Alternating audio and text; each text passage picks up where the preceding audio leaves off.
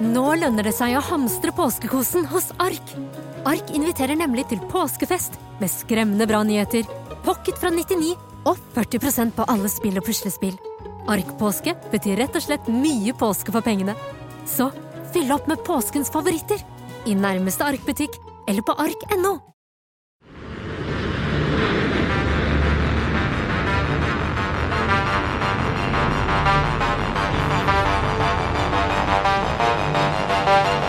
Hallo!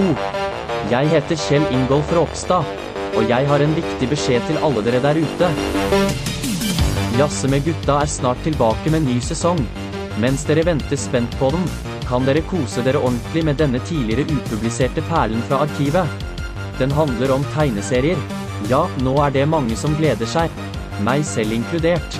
Fy søren, spenn på dere sikkerhetsselene og gjør dere klare for noe ordentlig gøyalt. Vel bekomme.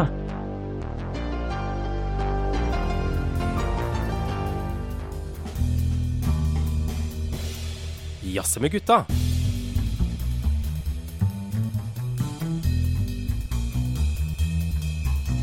Hei og velkommen til Jazze med gutta, en podkast for deg. Takk skal du ha, Hanne. Selv hjertelig takk, Ida. Ja. Trivelig å sitte her sammen med deg. Jo, takk. Og veldig trivelig å sitte her sammen med deg, Zinat. Hallo. Veldig hyggelig. ærede gjest. Ja.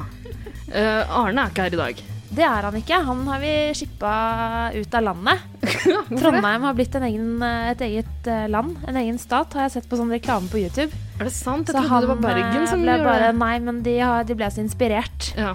der oppe, så han ble satt på første Dovrefjellekspress tilbake. Yes. Ja. Så greit for meg. Det er bare- kjempekjekt at du bare kunne steppe inn. Ja. Ikke sant? For alltid. Ja. Og det er egentlig ganske praktisk at du er på besøk her i dag. Fordi vi skal snakke om et tema som Hanne og jeg ikke har så veldig mye peiling på. Det stemmer. Eller det skal sies at Tina og jeg vi bonda litt over det å være um, Hva skal man si? Vi eh, overtok tegneserier.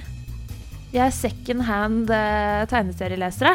Oh yes. Så vi har noe til felles, eh, selv om du kanskje gikk mer inn i tegneseriens verden enn det jeg klarte. Ok, Så vi skal snakke om tegneserier. Det er det, det vi etablert. ja. Men uh, øh, dere overtok uh, Er det eldre søsken som har sittet og ruga på tegneserier? Som dere bare har, har Fikk dere lov til å låne, eller tok dere? Får dere? Jeg fikk dem eh, Ja. av storebror. Ok, fordi jeg har småsøsken sjøl, og vet at det er ikke lov å bare ta eh, for, små for småsøstre. Nemlig. Eh, altså tegneserier er, det, det er jo eh, Man vil jo ikke at små, snørrete eh, labber skal drive og tafse på dem. Vil man det? Det er jo det som gir eh, bladene litt sånn patina, tenker jeg da. Ja. At eh, jeg er stor forkjemper for at de minste skal få lese først. Oi! Fordi det, ja, det er en, jeg bærer gnag mot uh, min verden og min oppvekst for at jeg aldri fikk lov til å starte å lese. Jeg måtte alltid vente. Mamma hun hadde med seg Donald uh, Duck-blad fra butikken hver tirsdag, hun. Men jeg måtte sitte og se i veggen til det ble min tur. Og der har vi noe til felles, i Dinat. Det her, uh, Ida, jeg har en følelse på at du var eh, en for jævlig storsøster. Det er Nei, ikke noe tvil om. Er du, Her, Det er jo eh, ikke noe spørsmål, det. det her høres uh, ikke greit ut. Er det sånn man behandler sine yngste? Det, ja, naturligvis. Altså, tegneserier er til for de, for de eldste i familien. Er det det, ja? Ja. Ok, Hva slags tegneserier? Jo, altså, uh, de, de, de tegneseriene som min lillesøster kunne ha for seg selv, var uh, av typen Wendy. de var jeg ikke så interessert i. Men jeg leste de også, for jeg leste alt jeg kom over av tegneserier da jeg var liten. Eh, mens de jeg var mest gira på å beholde, var Det gikk mye i Donald her også. Mm. Eh, Jeg vet ikke om jeg fikk det hver uke, men uh, kanskje omtrent. Uh, og så var jeg veldig glad i, um, i sånne lengre historier. De derre belgiske tegneseriene, sånn Tintin, eller Tantan, om du vil. Tantan. Ja. Um, Småproblematisk når man ser tilbake på de seriene der, mye av det. Men herregud, som jeg elska det da jeg var liten. Elsker det fortsatt. Må innrømme det. Asterix. Åh, Lucky Luke. Eh, et og annet sprint. Um, ja, og så Viggo. Sånne Sånne korte stripeserier, ikke sant. Men også en belgier, tror jeg, som Ja. har tegna det. Så ja, ja, det er kanskje stort sett det jeg har vokst opp med. Og så hadde jeg en, en Batman-periode. Når var denne perioden? Det, jeg tror det må ha vært omtrent akkurat 1992, Ja. Oh, Fordi um, det var vel uh, sikkert en liten sånn bølge da den der Tim Burton-film nummer to kom. Den tror jeg kom i 92. Ja, det tror jeg. Stemmer. Ja. Mm. Mm. Da fikk jeg en Batman-oppvåkning, for det, det syns jeg var flott å lese. Uh, ja, men det, det tror jeg var en mer kortvarig affære. Men uh, der har du litt om seriebakgrunnen min. Så fint. Ja, Ja, det er fint å vite. ikke sant? Eh, jeg liker at vi alle sammen har vært innom eh, Donald. Ja. Det er veldig fint. Det var en av mine første også. Eh, Donald var en av dine første? Er det det du sier? Finne over know what I mean. det var han. Eh, Donald Duck Ok, så storebroren min, han, han kom hjem eh, en dag, og så ga han meg eh, en sånn eh, Donald Duck i bokbind. Og så ga han meg også Conan the Barbarian i samme sleng. Så de to Og da fikk du din seksuelle oppvåkning i, i, i, i krysningen mellom Conan the Barbarian i bar overkropp og Donald Duck i bar underkropp. Oh yes! Og den kombinasjonen der er farlig. Det var en uh, nydelig oppvåkning, for å si det sånn. Det, for en tid. Jeg var veldig mye inne på soverommet mitt på den tiden, for å si det sånn. Det skjønner jeg godt. Og alle lurte på hva jeg gjorde, og hvorfor jeg låste døra. Nå vet du det. Ja, der var katta ut av sekken. Ja. Nei, men uh, det var um, Men det begynte faktisk litt tidligere enn det. Fordi um, jeg var veldig interessert i øh, disse TV-seriene som gikk på både TV3 og på den svenske Kanal 4. Mm. Hva het den? SV4, SVT4? Hva het den for noe? Jeg vet ikke. Husker ikke, men det var en svensk kanal iallfall. Ja. Og på den svenske kanalen så var det Sailor Moon, som begynte tidlig på Så du var og rota i mangaland? Oh yes. Og så eh, var Heter det manga? Det heter anime kanskje når det er tegn på, på TV? Helt riktig. Det er anime når det er eh, på TV, og Ja. så er det manga når det er bok. Ja, Men det går for det samme. Nei, egentlig ikke. Men ja, på, på en måte. Jeg skal ikke være sånn forrige tegneseriegeeken og rette på dere. Dere får lov til å mene og føle slik som dere vil. Ja. Nå refererer du til den forrige gangen vi var innom temaet tegneserie. Da snakka vi mest om Marvel, da. Og da hadde vi besøk av en, en annen tegneserienerd enn deg. Mm. Eh, og han eh, Du har hørt den episoden, og du mener han var litt streng?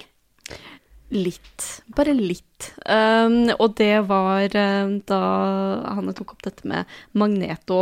Ja. Ja. ja, Og eh, det alle skjønner hva, hvem jeg mener når jeg sier det sånn. Ja. Ja. jeg skjønner det helt fint. Ja. Det går fint. Men det syns ikke Eirik. Nei. Han eh, som, som var eksperten ekspert vi dro inn i guttegarderoben den gangen. Ja. Nei, Gutta vet best. Gutta, ja. Å, det er så godt å få mansplaina noe eh, Marvel-tegneserier. Det Men- skal vi heldigvis slippe her i dag, men vi håper at du vil uh, Zinat-splaine litt for oss eh, Ja. allikevel, for det trengs, altså. Ja, eh, jeg håper du har lyst til å være litt streng du også, fordi jeg har en tendens til å bli veldig skråsikker uansett hva jeg snakker om. Også når jeg snakker om tegneserier, et tema jeg strengt tatt ikke kan så veldig mye om. Så jeg kommer til å Ida-splene masse, så det er egentlig Ja, jeg vet det, Ida. Jeg vet at du kommer til å gjøre det. Ja. Jeg er klar. Vi kan ta det bakgården etterpå, liksom, etter at podkasten er over. ja. eh, Men hvis vi sier noe feil, så må du bare, du må bare rette på oss. For du er her av en grunn. Du er ekspert på tegneserier. Nei, jeg ville ikke kalt meg ekspert. Jeg ville, ville kalt meg entusiast, egentlig. Men Entusiast. Uh, ja, Men eh. Men nerd er vi alle sammen. Og stolte av det. Absolutt. Ja, det ja, er vi. Det er vi. Men, Kanskje vi skal nevne litt om hvorfor jeg mener at du kan kalle deg ekspert. Da. Altså, du har jo valgt uh, uh, å studere tegneserier på nært hold. Kan ikke du fortelle litt om det? Mm. På nært hold, faktisk. I motsetning til måten alle andre uh, studerer tegneserier. Ja. Nei, altså, jeg har um, Jeg studerer da kunsthistorie. Jeg er på master akkurat nå. Uh, nå er det ganske nære innlevering. Uh, og Takk for at du tar deg tid til å komme og jazze litt med gutta i guttegarderoben. Takk for invitasjonen. Det er veldig greit med, med et lite avbrekk fra masterskriving, det må jeg si. Tviler ikke. Ja. Nei, det, det jeg skriver om da, det er en tegneserie som heter The Sandman, skrevet av Neil Gaiman. Uh, og det er jo en um, ja, skal man si en klassiker eh, fra 80-tallet. Eh, og det er en eh, tegneserie jeg er veldig glad i, eh, som jeg har greid å ødelegge. Uh, fordi jeg skriver om den. Åh. Ja, det er folk som sier at du ikke burde skrive om ting du er så glad i. Nei. Men um, da, eh, siden jeg Så, studerer altså, ja, jeg har, jeg, etter, etter min stint som pornoanvender, så har liksom hverdagen min blitt veldig annerledes. Jeg klarer ikke å se på det på den samme på samme måte lenger. Liksom, man blir sittende og analysere. Ja, man blir jo det. Ja, absolutt. Absolutt. Men uh, når jeg leser tegneserier, så er jeg ikke Jeg er ikke en som uh, nødvendigvis overanalyserer det jeg, det jeg leser. Jeg er der for opplevelsen. Um, og tegneserier som medium er veldig gøy å uh, gå seg bort i og ja, det bare lese og oppleve. Det syns jeg er veldig gøy. Så da jeg bestemte meg for å skrive om The Sandman, så gikk jeg bare, ikke bare inn på eh, det litterære, men også det visuelle aspektet med tegneserier. Noe som ofte faller bort eh, for det litterære, og det syns jeg er litt synd. I Ja. dagens visuelle kultur og Men, uh, men du får lov til å studere tegneserier uh, i kunsthistoriemasteren din. Altså, så eh, tegneserier er kunst. Ja, det ble faktisk oppmuntret. Ja. Ja. men det er godt å høre. Mm. Um, og eh, det er jo fordi at jeg, da jeg søkte på Duo, er det noen andre som har skrevet om tegneserier, så er det faktisk ingen som har gjort det. Hei, hei. Yes, og da tenkte jeg, vet du hva, UiO, here we go. Det er dødskult. Herregud, vi har en eh, frontier uh, Hva heter det? Front lady. Ja, vi har front lady, rett og slett. Det er veldig, lady. veldig kult. Ja. Uh, det blir dødsbra å ha deg med videre i uh, episoden. Vi skal snakke om en tegneserie som blir bedre introdusert eh, ganske snart. Kan du nevne hva den heter? Ja! Kan ikke noen andre gjøre det, fordi jeg glemmer hva den heter fra Transmetropolitan heter den. Mm. Transmetropolitan. ja, sorry, jeg skal øve meg på å si det ordet eh, når du Ja, det er hører på jingeren. Eh, for nå skal vi litt videre. Vi skal ta ei lita runde på hva dere gutta i guttegarderoben har jazza med deres gutter siden sist. Hallo? Hva skjer da, bro? Hall, halla. Slapp av, kompis. Jeg bruker aldri kondom. Hei, bror. Få på noe, få på noe Fifa. Blir du med å snu noen kalde, eller? Har du en IPA? Er du homo, eller? Det er ikke homo hvis ikke du liker det, bror. Skal vi runke sammen? Jazz, jazz, jazze med gutta. Zinat, du er jo gjest i dag. Kunne du tenke deg å starte runden med å fortelle oss litt om hva du har jazza om, eh, ikke siden sist, men i det siste? Ja, veldig gjerne. Uh, nå er det jo sånn at vi um, skal snakke om tegneserier i dag. Ja. Og da, de, den siste tiden nå, så har jeg sett på en serie på Netflix som jeg har sett på altfor mye. Sett den to ganger, faktisk. Jaha. Ja. Elsker når det skjer. Og bare eh, funnet alle på Insta som, eh, som har sett på det, og hatt lange samtaler om den. Og den serien, det heter The Umbrella Academy. Og den har jeg hørt rykter om, men jeg vet ikke helt hva det dreier seg om. Ok, du har hørt rykter om det. Ja. Ok, vel. Det er en grunn til at jeg var så tiltrukket av the, the Umbrella Academy. Um, det var faktisk en tegneserie som var uh, skapt av uh, Gerard Way, som er jo hovedvokalisten i My Chemical Romance. Au, au, au, au, au. Oh, har du en tung fortid? Ja, min emo-tid. Ja. Og jeg tror alle som har, har hatt en emo-tid, Ja. eh, føler seg veldig trukket til, mot den serien, og måtte se denne serien her. Eh, tegneserien var helt fantastisk. Den var kjempeflott. Veldig, veldig gøy å lese, eh, og veldig spennende. Eh, det er en eh, tegneserie som er eh, Som eh, handler om syv søsken. som blir født på den samme dagen. De er egentlig ikke søsken, egentlig, det må jeg si. De, det er eh, folk som er eh, da eh, født på samme dagen, samme tidspunktet, samme året. Altså, Det hadde vært tungt hvis de, var, hvis de var faktiske søsken for mora, tenker jeg. det hadde vært veldig, veldig vondt. Altså, disse eh, mødrene, den dagen de våkna, så var de ikke gravide. De ble gravide den dagen, og fødte den dagen. Nei. Jo. Gerard Way, han er, Han har vært på eh, ferde. He's sick. Så eh, de føder for, rundt, om, rundt omkring i verden. Eh, det er syv barn.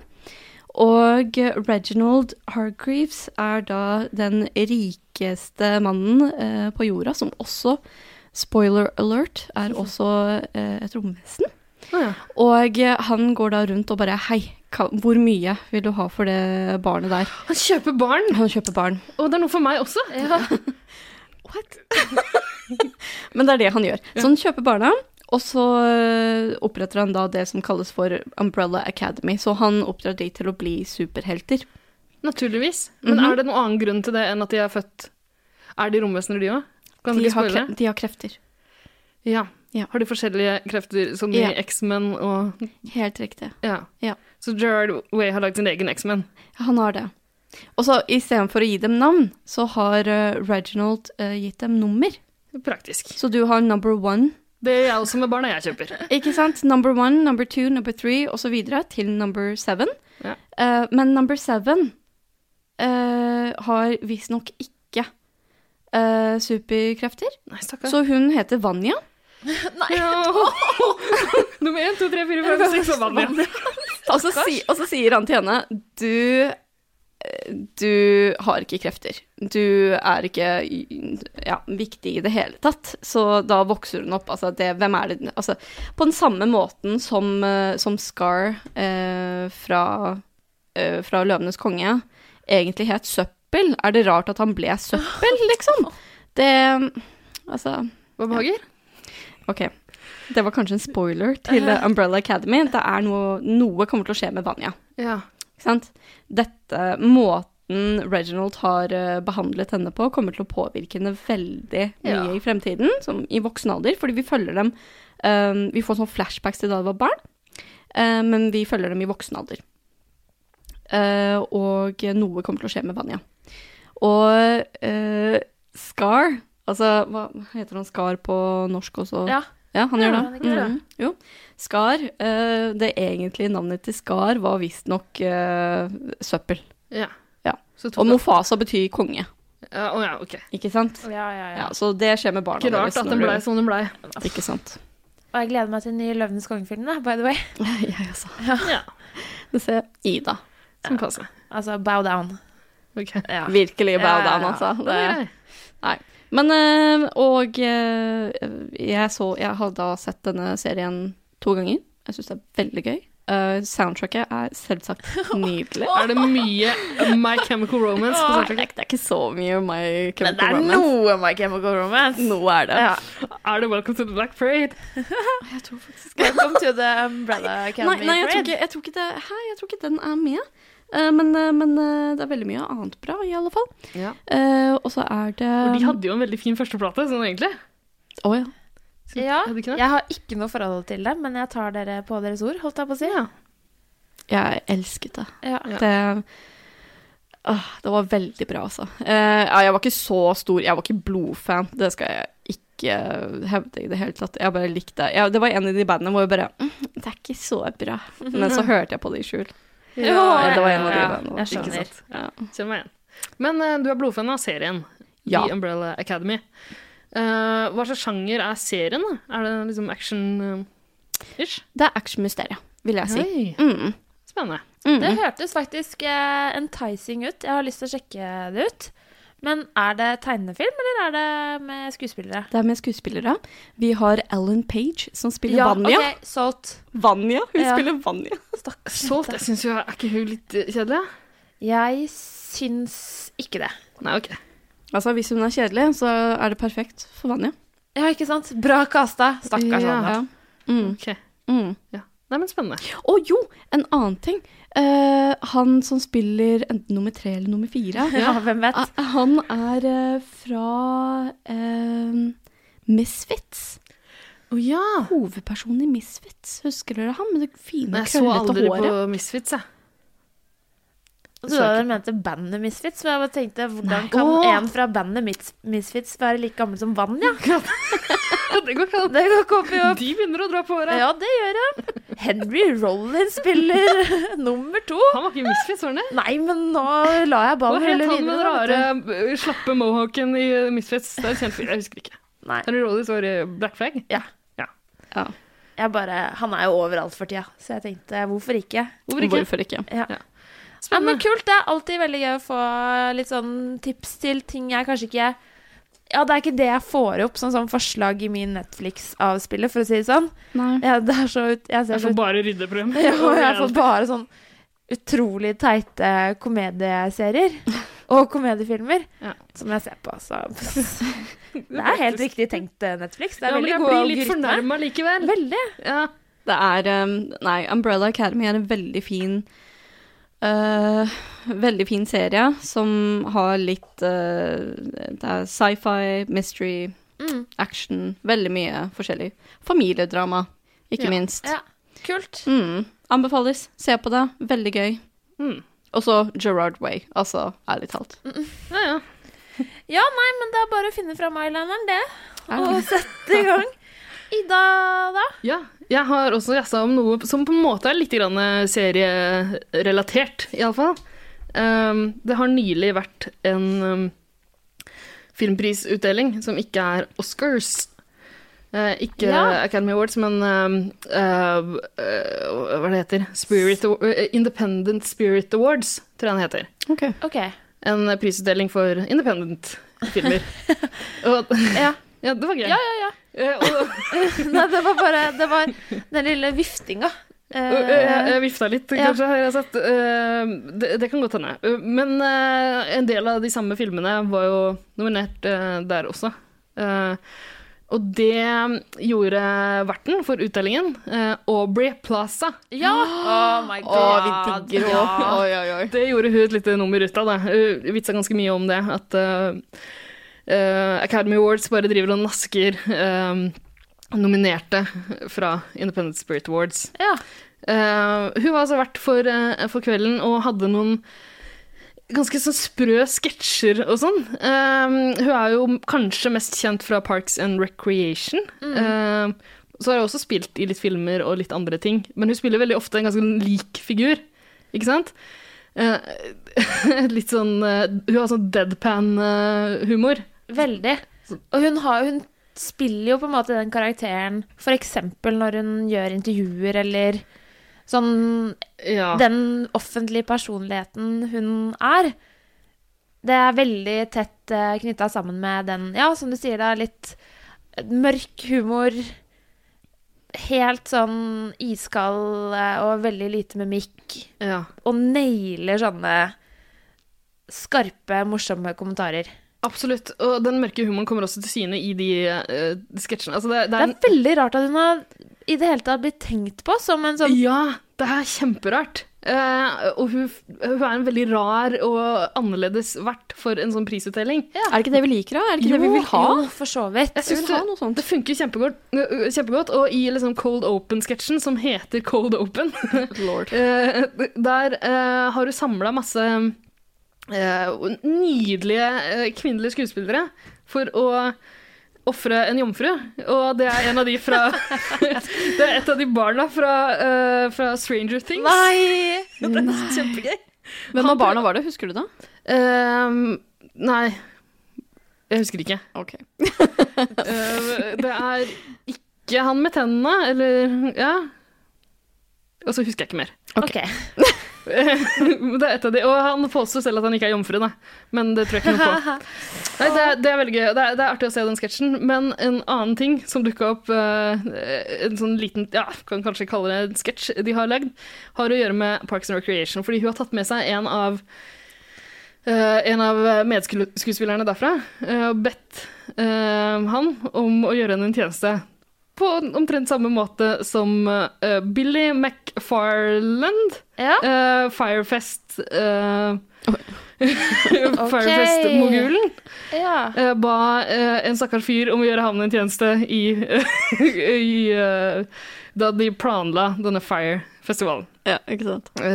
Og vi har jo snakka om Firefest-dokumentaren som ligger på Netflix. I Jazz med gutta tidligere. Har du, har du sett den, du, Sinat? Nei, jeg har faktisk ikke det. Uh, jeg cringer litt hver gang Ja. jeg tenker på den Fire-festivalen. Uh, fordi jeg hørte at eh, Bella Hadid ble det, det var noe legal Altså, legal eh, Ja, ja, det var så det, mye det er rare helt greier riktig reaksjon. Cringe. var- Uff, ja. Mm. Men uh, i den dokumentaren så er det en eh, stakkars fyr som blir bedt uh, om å gjøre en uh, å Take one for the team, på en måte. Eh, han blir rett og slett bedt om å eh, suge noen, eh, en toller eller noe sånt, nå, eh, for at de skal få importert eh, massevis av vann, Evian-vann. Er ikke det hyggelig, da? Det er kjempekoselig. Uh, det er sånn man gjør business. Eh, og hvis dere har sett Parks and Recreation, så er det en figur der som heter Jerry. Jeg tror han egentlig ikke heter Jerry, Jerry. men eller han, Gary, eller Larry, som jeg tror kanskje han heter. han heter noe helt annet. Og de, de behandla han ganske dårlig gjennom hele serien. Fordi nå når du sa at hun fikk med seg én fra Parks and Rec til å gjøre en tjeneste, så gikk eh, hjernen min gjennom alle de mannlige karakterene det kunne ha vært. Og jeg starta selvfølgelig hos Chris Pratt, som spiller mannen hennes i serien. Ja. Og heter det samme som mannen i Fire Festival eh, Ja, Andy. det er Andy King som tok en for laget. Så jeg tenkte kanskje Andy Dwyer ville gjøre det samme. Å nei da, det er Jerry som har blitt bedt om å gjøre tjeneste. Og vi kan bare høre, Han har sendt inn en hilsen til denne prisutdelinga, og vi kan bare høre litt fra den. Ja.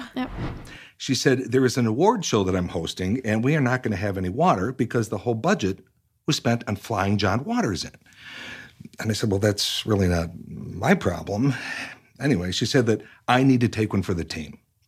So I ask, Okay, Aubrey, I mean, you know, since we're friends, of course I'll help. What do you need me to do? And she said, You have to go to Costco. You have to find a cashier named Joel who has got all of the water bottles. And will you save this award show and suck his dick? So I go home. I took a shower. I used mouthwash uh, in, in advance for some reason. And I went there fully prepared suck his dick. And I did. Because that's what friends are for. And I know she would do the same for me. I'm just really proud of Aubrey. Ja! Mouthwash before! Ja, For some reason. For some reason. for han gjør jo det han har i Firefest-dokumentaren. Av en eller annen grunn. Det er veldig rart. Det er så sjukt! Det er veldig morsomt. Det er kjempegøy. ja, er han, han, er, han sitter med omtrent samme antrekk. Han ligner veldig mye Ja. der han sitter. Nei, det her er helt nydelig. Jeg anbefaler å oppsøke det her eh, klippet. Ja, Vi kan sikkert finne det og kanskje poste det også. Det kan vi gjøre på sosiale medier. Yeah! Der heter vi Jazz med gutta. På Insta, Ja, på Insta for eksempel. ikke sant? Og Facebook. Det er bare de to sosiale mediene vi bruker. Fjesboken. Ja. Det er fint. Hanne, hva har du jazza med dine gutter om siden sist? Ja, du, jeg har uh, jazza om eh, min favoritt-TV-kanal. Eller det er vel ikke en kanal, egentlig, men eh, det er en nettside. Og jeg går alltid inn i sånn gjettelekmodus. Det er ikke meninga. Jeg skal snakke litt om NRK Super. Som er min foretrukne medie-content provider. Ja. Eh, fordi NRK Super er Åh, det er så sykt bra! Eh, de lager nyhetssendinger eh, tilpassa barn og unge hver eneste dag. Supernytt. Ja, helt riktig, da. Er det det du eh, Det er min foretrukne Ja, nyhetskilde. Det er det du orienterer deg ut ifra? Absolutt. Samme her. Ja. De lager veldig, veldig mye bra, og de produserer òg noen sykt gode serier, som eksempel Lik meg, en TV-serie som handler om digital Ja, eller hvordan å være ålreit med hverandre på internett, holdt jeg på å si. Ja. Uh, veldig ja, korte episoder som handler om noen, en jentegjeng som ja, bruker sosiale medier for alt det er verdt. På gode og dårlige måter. Eller Zombie-Lars, som også er en av de aller beste norske barnedramaseriene som er produsert, vil jeg påstå. Men da også da Supernytt. Og det de journalistene i Supernytt gjør som andre journalister ikke er så gode på, er f.eks. når de snakker om temaer som har med norsk skolepolitikk å gjøre, eller syn på undervisning og hva som må gjøres i, i norsk skole, så filmer de faktisk fra klasserom. Snakker med elever og snakker med lærere, og det syns jeg ikke f.eks. andre medier eller f.eks. politikere er så veldig gode på. Eh, Og for ikke så veldig lenge siden så var Høyre ute på sine Facebook-sider. De hadde lagd noe videomateriell hvor de snakker om behovet for bedre seksualundervisning i og ja, i grunnskole. Og da var det Mathilde Tybring-Gjedde i front som hadde samla et eh, lag av eh, Høyre-politikere fra Oslo og ja, nasjonalt, tror jeg. Eh, som da fortalte om forferdelig opplevelse det var å ha seksualundervisning. Enten det var for 40 år siden eller 5 år siden. Alle var enige om at det var skikkelig, skikkelig kjipt. Læreren som gjorde det, syntes det var utrolig flaut, og alle satt igjen med en dårlig opplevelse. Det, ja, det er jo en, Altså, hvis man skal gi realistiske forventninger eh, til sex og samliv, så bør man jo egentlig la dem sitte igjen med en ganske dårlig følelse. Du skal egentlig kjenne på skammen. Ja. Det, Skammen er veldig viktig. Ja, ja, ja. Mm. Så tidlig som overhodet mulig, bare for at du forstår at det er sånn her det er. Altså, hvis du ikke ser ansiktet til moren din mens du gjør det, da gjør du noe feil. Uh, damn right. Mm. Eh, Uff, uff, uff. Det var ille. Den var ille. Ja, Nei, men herregud, jeg ser også ansiktet til mora di. Nei, det, det tror jeg på. Jeg er veldig pen. Det, det som var poenget mitt, da, var å bare si til de folka, og si til alle som har mening om eh, undervisning, og det, de aller fleste har jo meninger om det. Det er jo ikke noe yrke folk har sterkere meninger om enn hva lærere skal gjøre eller bør gjøre, eller hva Kanskje bloggere? Er det ditt eneste yrke, hvis man kan kalle det det? Ja. Influencers, mener du? Ja, beklager, det er det det heter nå i dag. Ja. Ja. Ja, kanskje det. Mm. Um, Altså, altså, det kommer lærere. Ja, altså, eh, for all del, det er jo ikke egentlig sånn. Jeg veit jo at folk er mer opptatt av hva Therese Johaug presterer, liksom. Poenget er bare at vi ser hva hun presterer. Ja. Men det er ingen som ser hva en lærer presterer, så derfor så blir det liksom å skyte bak mål, holdt jeg på å si. Stå bak Det blir bak mål, er det jeg mener. Og av og til, syns jeg i hvert fall. Og liksom mener veldig mye når man ikke egentlig har noe Med å gjøre. ja. Mm. men poenget mitt da, var at eh, de står der og har laga en reklamekampanje hvor de prøver å liksom sanke noe politisk innflytelse og prøver å hevde seg som et eh, utdanningsorientert parti ved å si at all vår samla erfaring er at all seksualundervisning er dritt, og lærerne må skjerpe seg. Og det er sikkert veldig mange som må skjerpe seg, men det som er så sykt fett med f.eks. NRK Super, da, er at de har de har noe data, holdt jeg på å si. De har noe materiale. De har vært og filma i klasserom. Eh, For i uke seks så har Unnskyld, ass, dette her er veldig, veldig flaut for dere sikkert, men veldig viktig for meg. Eh, I uke seks hvert år så har NRK Super fokus på kropp og utvikling og pubertet og sånn. Ja, tilfeldig valgt ukenummer. Eh, veldig. Og det er cringe orama i de tusen klasserom i hele Norge. Men greia er at da viser de hvordan forskjellige lærere, forskjellige klasser jobber med temaet seksualitet i klasserom. da. Og viser at det sitt, for eksempel sitter en tiendeklasse som er, spiller et spill. Som er et trivia-spill hvor alle spørsmåla har noe med, eh, med seksualitet å gjøre. Jeg Det høres jo ikke om helt perfekt ut for meg. Elsker trivia, elsker spill og ja, Ja. helt greit forhold til sex. Men, eh, og jeg skjønner at det her høres ut som et sånn herre vors-spill. Det gjør det. Ja, jeg skjønner det. Men det er jo veldig sånn klinisk og ikke sant? det skal være kunnskapsbasert. Ikke opplevelsesbasert, håper jeg. Men det er sikkert uh, ja. Det ja. Det er sikkert mange måter å takle Hvis det på. Hvis Frp-politikerne får det som de vil. Nei, Ja. Neida. OK. For å komme til konklusjonen min, så var det egentlig bare det at eh, NRK Super Dødsbra opplegg. Sykt kult at de faktisk har med liksom, perspektiver fra lærerne, fra elevene. Og for guds skyld, snakk med en lærer. Sjekk hva de gjør i dag. Ikke bruk det at du hadde en dårlig opplevelse av en lærer i 1942. Hanne, du er lærer. Ja. Eh, Og var det veldig obvious du, nå, mer, vil du mer på TV? Uh, ja, herregud, ja.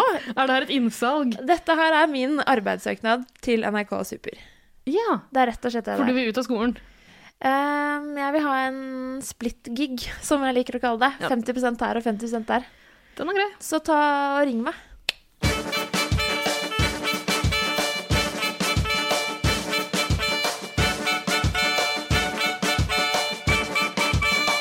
Jazze med gutta.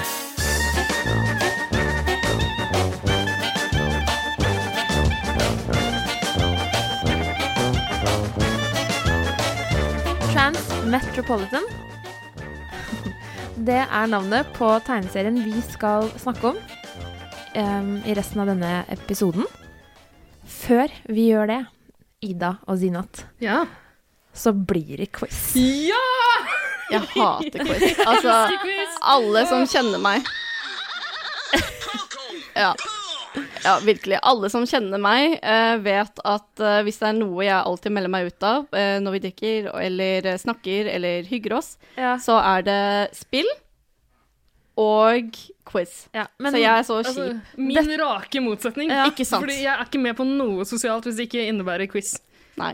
Jeg eksellerer med hjemmeeksamener, ikke på skoleeksamener. Jeg skjønner. Ja. Uh, men dette er rett og slett under tvang, Ja. så du slipper dessverre ikke unna. Nei. Du har til og med sittet her og lasta ned en app, sånn at du kan ha din egen eh, buzzer-lyd. Ida. Ja. Det er så mange å velge mellom. Ja. Uh, men nå må dere bestemme dere. Ja, jeg har bestemt meg. Min er sånn. Og min er sånn her. I'm really rich. Passer godt. Så Which I'm not. Men, jeg syns begge har funnet noen som vi kan identifisere oss med. ja. Helt klart. Og Donald det Trump, ja. passer veldig bra til temaet for quizen også, fordi det har noe med temaet for episoden, men i litt utvida form. Uh, temaet er helter og skurker. Okay. Så kan dere tenke hva jeg mener er helt og hva som er skurk av de to lydene dere har. Ja. Ja, det er opp til uh, Ja. Jeg har skurken. ja, jeg tror nok det, det. Men uh, ja, jeg har ti spørsmål. Ja. Uh, jeg har ikke laga quizen selv i dag. Dette er henta fra en julegave jeg fikk i fjor, Uh, som heter Julequiz. Prisen står på'n. Det er kjekt. Uh, 99 kroner kosta den. Tusen takk, Monica. Det, den har blitt brukt flere ganger. Julequiz 2017 fikk du til jul i fjor, altså 2018. Um, altså, ja. Ja. Tydeligvis. Uh, det er 1000 spørsmål og svar i denne. Vi skal bare ta ti. Ja. Um, så nå er det egentlig bare å sitte med buzzeren klar. ja. Føler du poeng, og hva er premien?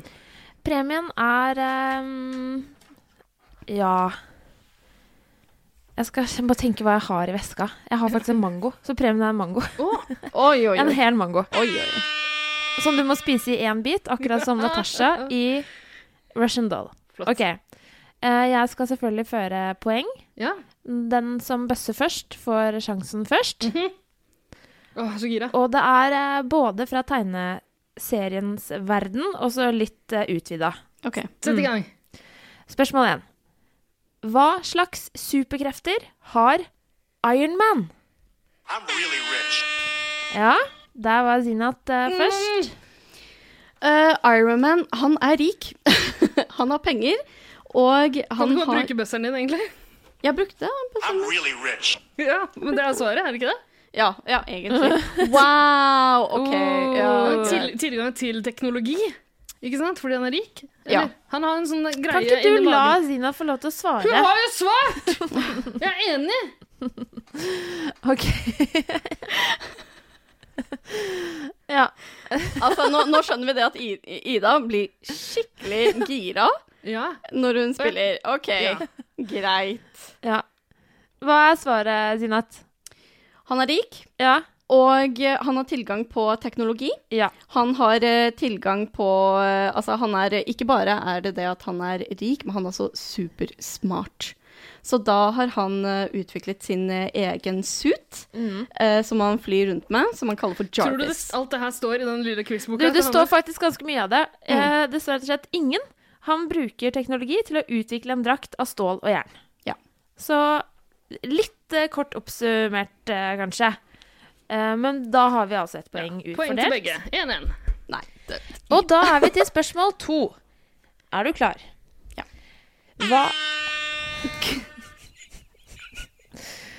Hva heter den onde dragen som har invadert dvergenes kongerike Erebor i Tolkens Hobbiten? Der var du kjapp på avtrekkeren, Ida. Jeg fikk et dragespørsmål i en annen quiz her om dagen som hadde å gjøre med hobbiter, og Ja. der var svaret smaug. Det er så- helt eh, korrekt. Veldig bra. Yes. Vi druser på videre. Spørsmål tre. Og som sagt, dette her er helter og skurker i liksom bred forstand.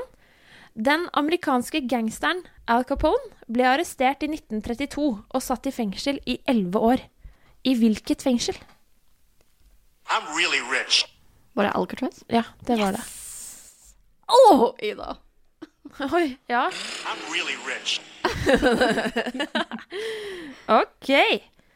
Eh, spørsmål fire. Hva heter den amerikanske finansmannen som i 2009 ble dømt til 150 års fengsel for å ha svindlet klientene sine for 60 millioner dollars? Åh, hva heter han? Åh, hva var det? Det var noe med B? Var? Ja. Bur... bur, bur, bu- Burn Mad Burning Man? Nei, Burning Man. Burning Mad Burning Ja, du får for den. Burning Mad Eh, du sa Bernie Maddow Ja. og Bernie Madoff. Bernie Madoff var det! Det var noe med B. Ja, men du det. får for den. Ja, tusen Det var takk. så lik lyd, så Det var akkurat det jeg sa. norsklæreren approves. Vi jumper videre, holdt jeg på å si. Ja. Spørsmål fem. Sitt klare. Ja, ja. I hvilken romantrilogi er Katniss Everdeen helten? I'm really rich. Ja, der var du kjappest. Tusen takk. Få høre. Hunger Games. Ja, det er nydelig. Å, herregud, så flink. Det går ikke. Ja, nå må vi eh, Ja. Så det var virkelig eh, litt sånn rundt omkring her. Ja, det er Ja, faktisk det er fint. men, uh, Det er fint. Det er fin quiz. Vi er på neste spørsmål. Det er et mer tegneseriespørsmål. Hvem er verdens første kvinnelige superhelt? I'm really rich. Ja, Wonder Woman. Ja. ja. helt riktig. Eh, veldig interessant, det. Eh, basert på bondage. Eh, skaperen var veldig interessert i det. Ja, Hun har en pisk. Men, ja, hun har en pisk, og eh, hun er eh, Altså, Wonder Woman-karakteren har virkelig eh, forandret seg gjennom tiden, føler jeg, fra den første, første Wonder Woman, som var litt, var litt annerledes. Å, var det mer SM i tidlige Nei, ikke nødvendigvis bare gammeldags, vil jeg si. Ja. Gammeldags SM, det er litt spesielt. Jeg finner ikke noe pisk eh, Ja, å, Her, jo! en gang til! Åh, Å, men den du lagde, var bedre til natt. En- Ja, Flott. det God tanke. Det har du gjort før. Ja, det har jeg. Ja, men vi eh, går videre til spørsmål syv. Har hovedskurken i en James Bond-film noen gang vært en kvinne? Mm. Jeg tror hun som het Elektra, var hovedskurken, men jeg husker ikke helt, så jeg, prøver meg på det, ja. Det er dessverre feil. Jeg vil si, Motherfucker. jeg vil si nei, men Ja, du kan ikke si det nå. jeg sier det, Ida. Jeg sier nei. Hun var kanskje ikke hovedskurken, hun, da. Kun enkelte onde medhjelpere har vært Ja, kvinner. ja. Helt riktig. Helt riktig. Mm, så jeg fikk poeng. Nei. Kjempefint. Ikke sånn det fungerer. Sorry, Ida. Ida, Ida. Jeg fikk poeng. Nei. Ok, eh, spørsmål åtte. Hvilken komisk superhelt fra barnelitteraturen gikk til tegnefilmen med norsk premiere i juni 2017? Unnskyld? ja. Hvilken norsk Eh, Nei, hvilken komisk, hvilken komisk superhelt fra barnelitteraturen gikk til tegnefilmen, som man tydeligvis velger å formulere det, med norsk premiere i 2017? Det er nok ikke en eh, norsk tegnefe eh, tegneserie, men Komisk superhelt? ja, ja, ja. komisk superhelt? Tegnefilm? Barnelitteratur. Å ja. I'm really rich. Ja. Deadpool? Det er ikke er Det er det barnelitteratur? Altså, nevøen min elsker Deadpool, så Men det er jo ikke tegnefilm heller. Er det? Nei, det er det ikke. Det er det ikke. Og ikke i 2017 heller. Men, Ok, greit, da. eh, Beklager. greit, da. Sorry. Velkommen til giljotinen vår. Her, eh, nei, gapestokken, mente jeg. Ikke giljotin. Ja, Det det her skal vi klare å komme fram til. Ja, jeg vet ikke helt, jeg. Jo da. Det ordner seg, det. Ja. Tegnefilm? ja, det er ikke lov å google. Nei, nei, nei, nei. jeg bare holder den her klar, jeg. Eh, tegnefilm? Tegnefilm. Superhelt. Altså, det var Komisk. fra barnelitteraturen. Det har vært noen bøker først, og så ble det gjort Han gikk til filmen. Hvor i alle dager kan det være? Hei, jeg kan ikke Men jeg tviler på at dere har Gi en eh, forbokstav eller noe, da. K. Ok. Hjalp det? Nei. Det var vanskelig. Ja, jeg tror jeg sier det. Ja. Si det. Kaptein Supertrusse. Nei, OK. Nei, altså, altså, ærlig talt, useriøse greier. Er det for seint for deg å bytte tema for masteroppgaven din? Ja, Kaptein det Supertruse. Ja. Next! Ja, thank you next. Hva heter Orlando Blooms rollefigur i Pirates of the Caribbean-filmene? Det kan jeg ikke. Det kan jeg faktisk ikke. Nå Nei. satt dere med really. Nick. Det er ikke så Mm. Ja. Ja, Sortebil? Ja han het uh, Blackbeard Nei, uh, Will Turner heter han. Å ja, se. Will, Nick. Ja, det er Same faktisk shit. enig i at det er uh, basically samme navn. Ja. Du, du gir ikke poeng for det! Da velter jeg bordet. Jeg har ikke sagt det. Nei, Blodet skal flyte! Nei, jeg har ikke sagt det. Vi har bare ett spørsmål igjen. Ja. Og uh, ja. Det kommer ikke til å gå bra. Er du klar for dette? Hvem er som leder? Eh, Deg. Ja, Det det er du er som leder. Ja, ja. Og derfor så vil jeg si det at uh, du kan dette poenget Nei, dette spørsmålet gir deg tre poeng hvis du svarer riktig. OK. Ja, sånn er det. Hva heter den onde kraften som er nær ved å få makten i hele Midgard i Ringenes herre av tolken? Hva heter den onde kraften som er nær ved å få makten i hele Midtgard i Ringenes herre? Å nei, jeg fikk reklame! Nei! really rich. Oi! really. Og dette blir jækla vanskelig for meg. really. Hun fikk reklame! Ja, Jeg fikk fikk reklame. reklame. Um, ja, du er vår gjest. Vår gjest. Sauron? Ja. Ja. Oi! Oi! Hva hadde du tenkt å si da? Eh, Sauron? Nei, det hadde du faen meg ikke tenkt å si. Jo! Jo da, du hadde sikkert det. Eh, jeg caller det It's a tie. It's a tie. Nei, du skal få den eh. OK. Altså, jeg vinner aldri noe i livet. Gi meg dette. Eh, Sånn pity eh, Gratulerer. Takk skal du ha. OK. Vi, vi takker eh, for oss eh, der. Og så tror jeg vi skal eh, Det var gå ikke noe videre. likevel, det her. Det var ikke det, nei? Nei. Uff. Vil du ha ett trøstespørsmål? Ja. Skal vi se.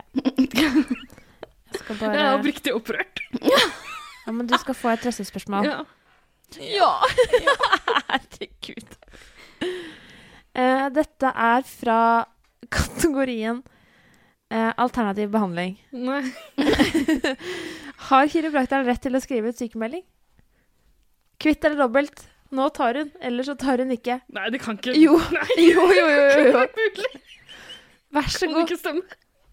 Har kiropraktor rett til å skrive ut sykemelding, Ida? Nei. Svaret ditt er nei. Mm. Det er fankeren feil. Det går De ikke. har lov til det, Det går inntil an. tolv uker. Det må noen gjøre noe med pronto. I win. OK. Ja vel. Ja. Nå får du den melonen, da. Mango. Mango. og den må du bare liksom ta av skallet av, og så må du love oss, på tro og ære, at du ikke kutter den opp, men du spiser hele mangoen mens du holder den i begge hender, mens du sitter på forværelset i en synagoge. Jeg lover. Eh, Gratulerer med premien. takk skal du ha. Jødisk museum er eh, veldig nære meg, så Ja. kanskje jeg skal ta det der. Ja. Mm. Jeg kan ta bilde og sende til dere. Flott. Godt å høre. Gleder meg.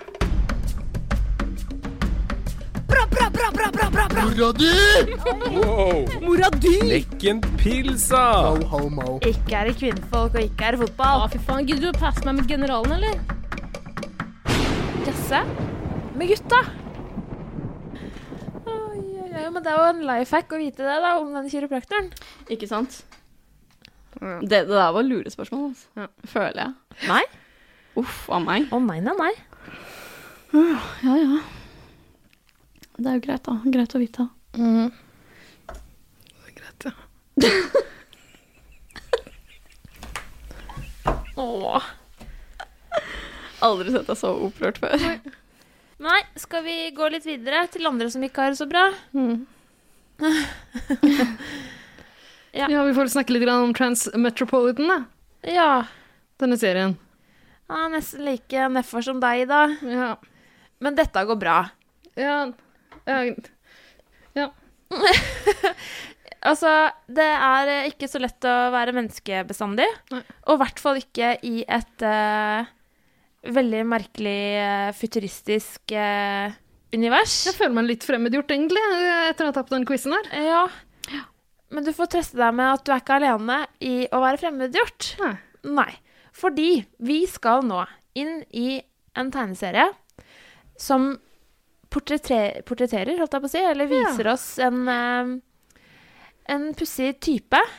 Ja. En veldig spesiell mann som er hovedkarakteren i denne tegneserien, som da heter Transmetropolitan. Ja. Uh, og før vi begynner å snakke, så hadde det vært litt spennende å høre, egentlig, Dinat, hvorfor du tenkte at dette For det første, hvordan du ble introdusert for serien, og hva var grunnen til at du tenkte at det, denne har jeg lyst til å snakke med gutta mine om? Mm.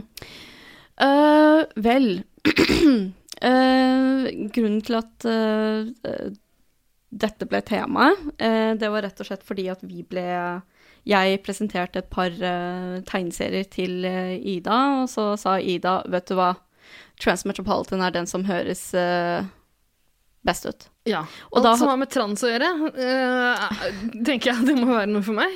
Ikke sant? Ja. Og eh, de andre forslagene som jeg kom med, det var da Saga, Ja. som er litt nyere serie. Eh, og så var det Husker du hvilke andre jeg uh... Nei. Men eh, jeg husker at det var en del ting som tiltalte meg uh, ved den her. mhm. Eh, både måten du snakka om den på, du virka ganske entusiastisk. Jeg er alltid entusiastisk når det gjelder tegneserier. Ja, det, det gjaldt kanskje alle når jeg tenker meg om. Mm. Men ehm, innsalget ditt var godt. Altså, eh, måten du beskrev figuren og universet eh, på, hørtes ut som noe jeg kunne tvinge Hanne til å lese også. Nemlig. Ja. Og Eh, hvorfor det, egentlig? Nei, altså øh, ja, Hva skal jeg si? Eh, Da, da, da kommer vi kanskje inn på hva serien handler om, da. Eh, det er jo en, eh, en eh, figur som er litt sånn skakkjørt. Eh, Sånn som meg? ja, Ja. Noe du kan kjenne deg igjen i. Absolutt. Jeg tror vi alle sammen kan gjenkjenne oss i eh, Ja, Spider Jerusalem, eh, som han eh, så fint heter. Riktig. riktig. Ja, ikke sant? Um, som lever i et dystopisk samfunn, og det er jo en del sånne paralleller um, til, uh, til en framtidsvisjon vi kanskje kan se for oss på noen måter. Mm. Jeg vet ikke, i den verden vi lever i i dag. Jeg tror det. Spesielt når vi snakker eh, det politiske aspektet med tegneserien, så er det veldig mange likhetstrekk med dagens eh, politiske miljø, eller liksom hvordan vi eh, Hvor vi i det hele tatt beveger oss hen. Uh, og den uh, tegneserien her, det er uh, skrevet av, eller utviklet av eh, Warren Ellis.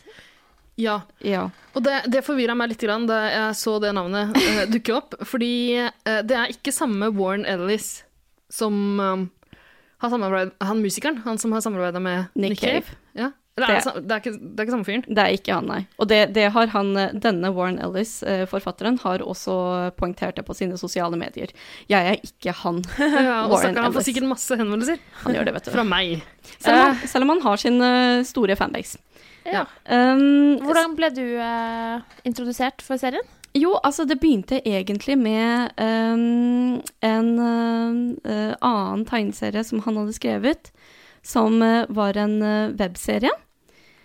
Uh, som het Freak Angels, som uh, er en uh, veldig interessant uh, tegneserie som handler om denne gruppe med folk med forskjellige typer evner. uh, Så i- teit navn. Ikke sant? Freak Freak, Angels. Angels. Ikke sant? Det er det de kaller seg selv. Ja. Mm. Uh, men at det er en slags, det er en slags stolthet Ja. i det å være en freak angel. Høres nesten litt ut som eh, Friedrich Engels. Å, hei, hei, hei, hei. Hei sann. Og den er ikke så dum, den koblinga der, vet du. Ikke Er den det? Er den så dum? det er lov å være ærlig. tenker litt sånn der marxisme i det, vet du. Vel, dette er, en, eh, dette er eh, fremtidig eh, London. Eh, de er basert der, og de passer på at eh, ting går eh, greit med de eh, som eh, overlevde apokalypsen. Så de tar inn disse folka som har overlevd, og så prøver de å fikse det de har gjort feil. For det er de som faktisk forårsaket denne apokalypsen. Oi, yes, Ja, med sine egne krefter. Ha. Ja. Eh, og eh, da det, det var sånn jeg ble introdusert til uh, Warren uh, Ellis. Men Og- han har også skrevet, kan jeg bare skyte inn der, Ja. jeg var sånn kjapt innom Wikipedia-sida, Mm. Eh, og han har også skrevet det som den eh, film, eh, filmserien Red er basert på, ikke sant? Ja. Helt Det er actiongreiene, det er Bruce Willis og masse gamle actionhelter. Hun fra Weeds. Er hun med der òg? Hun er også med. Jøss, da. Hun, hovedfiguren. Hva Mm. heter hun? Mary Mem... Mer... Mer... Det er hun som også var i stekt Mary Louise uh, Parker. Ja. Parker. Ja, som også var i stekte grønne tomater. Og også filmversjonen av Angels in America. Ja, absolutt. Ja. Absolutt. Uansett. Så han har gjort litt av hvert. Men Han er, har det. er det Transmetropolitan han er mest kjent for? Ja, det er det. Helt klart. Hvorfor det? Uh, vel, det er egentlig Jeg liker å kalle det for en kultserie. Uh, det var em, Det var en av de seriene som eh, var helt annerledes fra de uh, typiske uh, superhelttegneseriene som ble gjort på den tiden. Uh, det, det ble publisert fra 97 til 2002.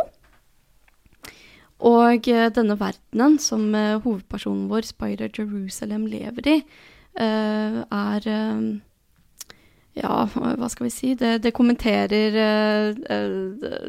en bylivet, for å si det sånn, og politikk. Eh, Bylivet i byen som heter The City. The City Ja. heter den. Og eh, Warren Ellis eh, og Derek Robertson, som illustrerte tegneserien, de ville ikke at, at det skulle De ville ikke at det skulle være New York eller London. De, de ville at det skulle være ja, litt opp til leseren å bestemme hvor den byen var hen. Her syns jeg det er på plass for meg å komme med det første av ganske mange antageligvis dumme spørsmål i løpet av denne episoden. her. Come on. Ok, så uh, betyr det Han hadde en, en Det var en annen fyr som illustrerte serien. Betyr det at han ikke, han har ikke tegna det sjøl? Han har skrevet det, eller har han tegna det også? Hvem da? Uh, Ellis. Warren Ellis har skrevet det. Ja. Det er han som har skrevet manuset, og det er han som har karakteren og, og ideen. Mm, Og så har du en annen som, som uh, vekker dette til live med illustrasjonene sine.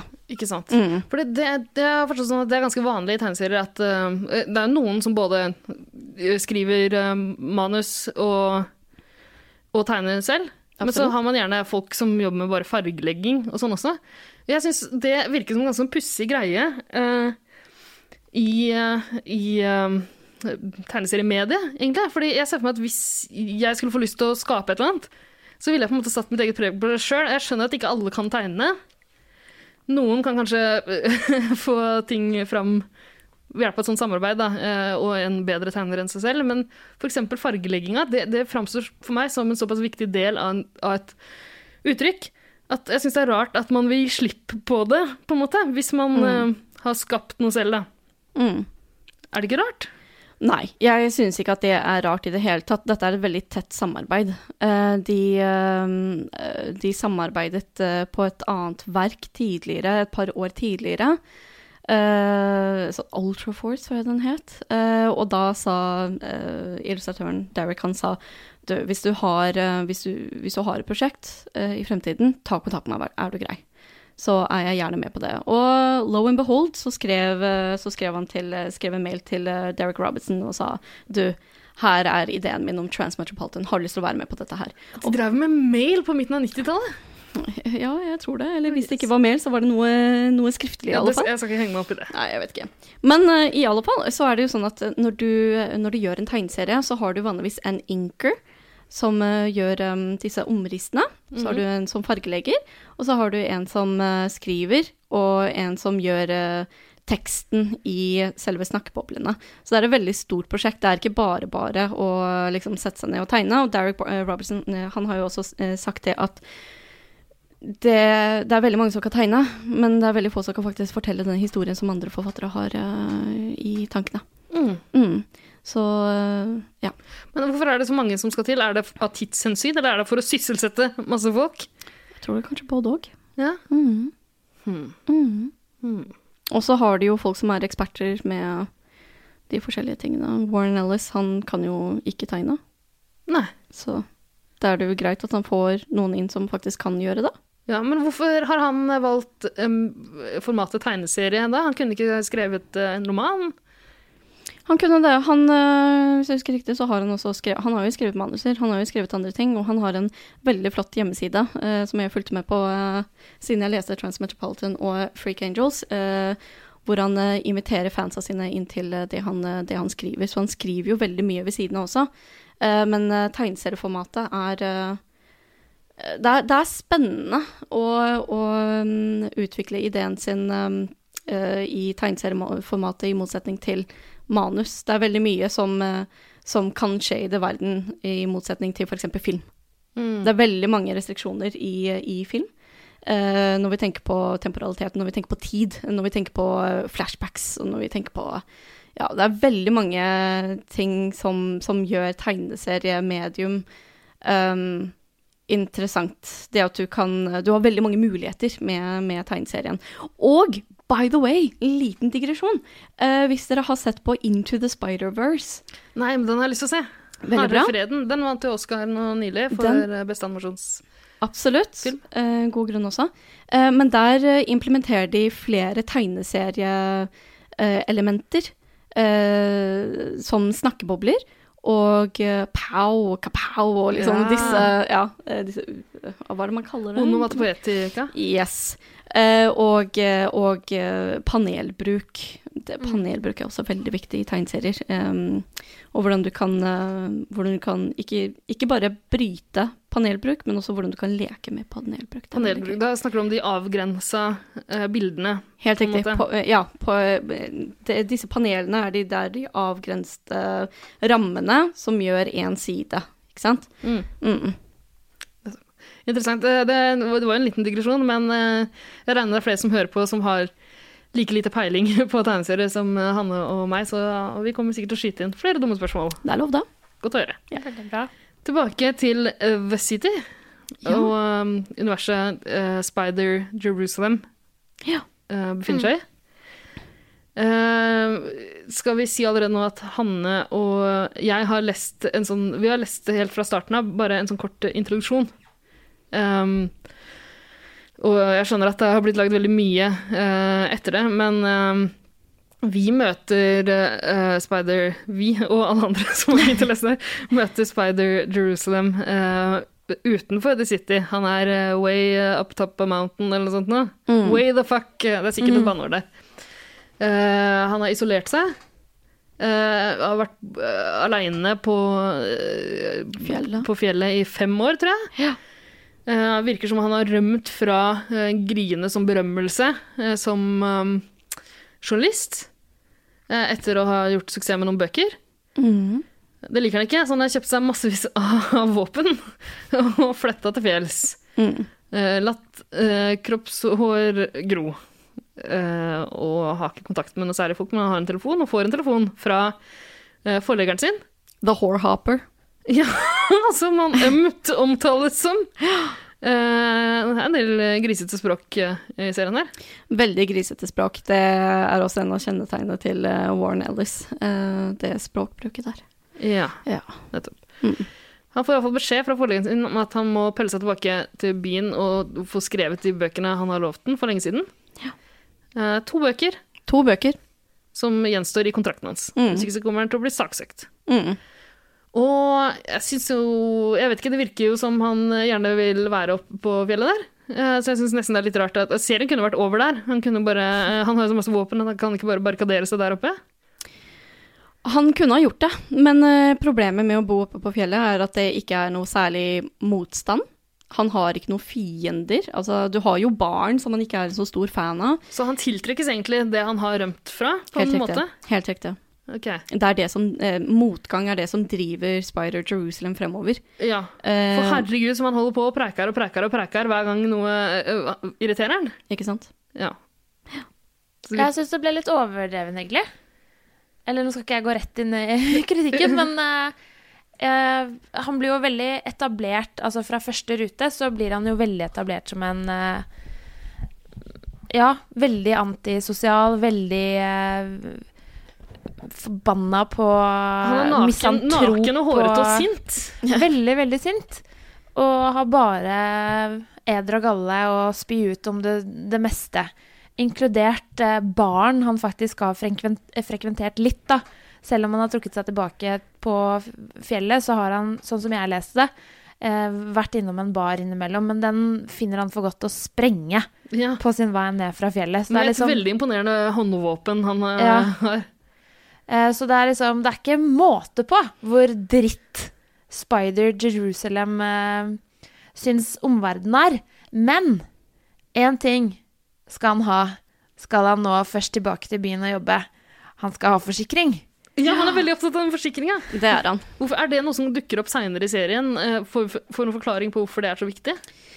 Åh, ja, uh, det, det er jo fordi at han utsetter seg selv i disse farlige situasjonene, og da er det viktig at han blir faktisk tatt vare på.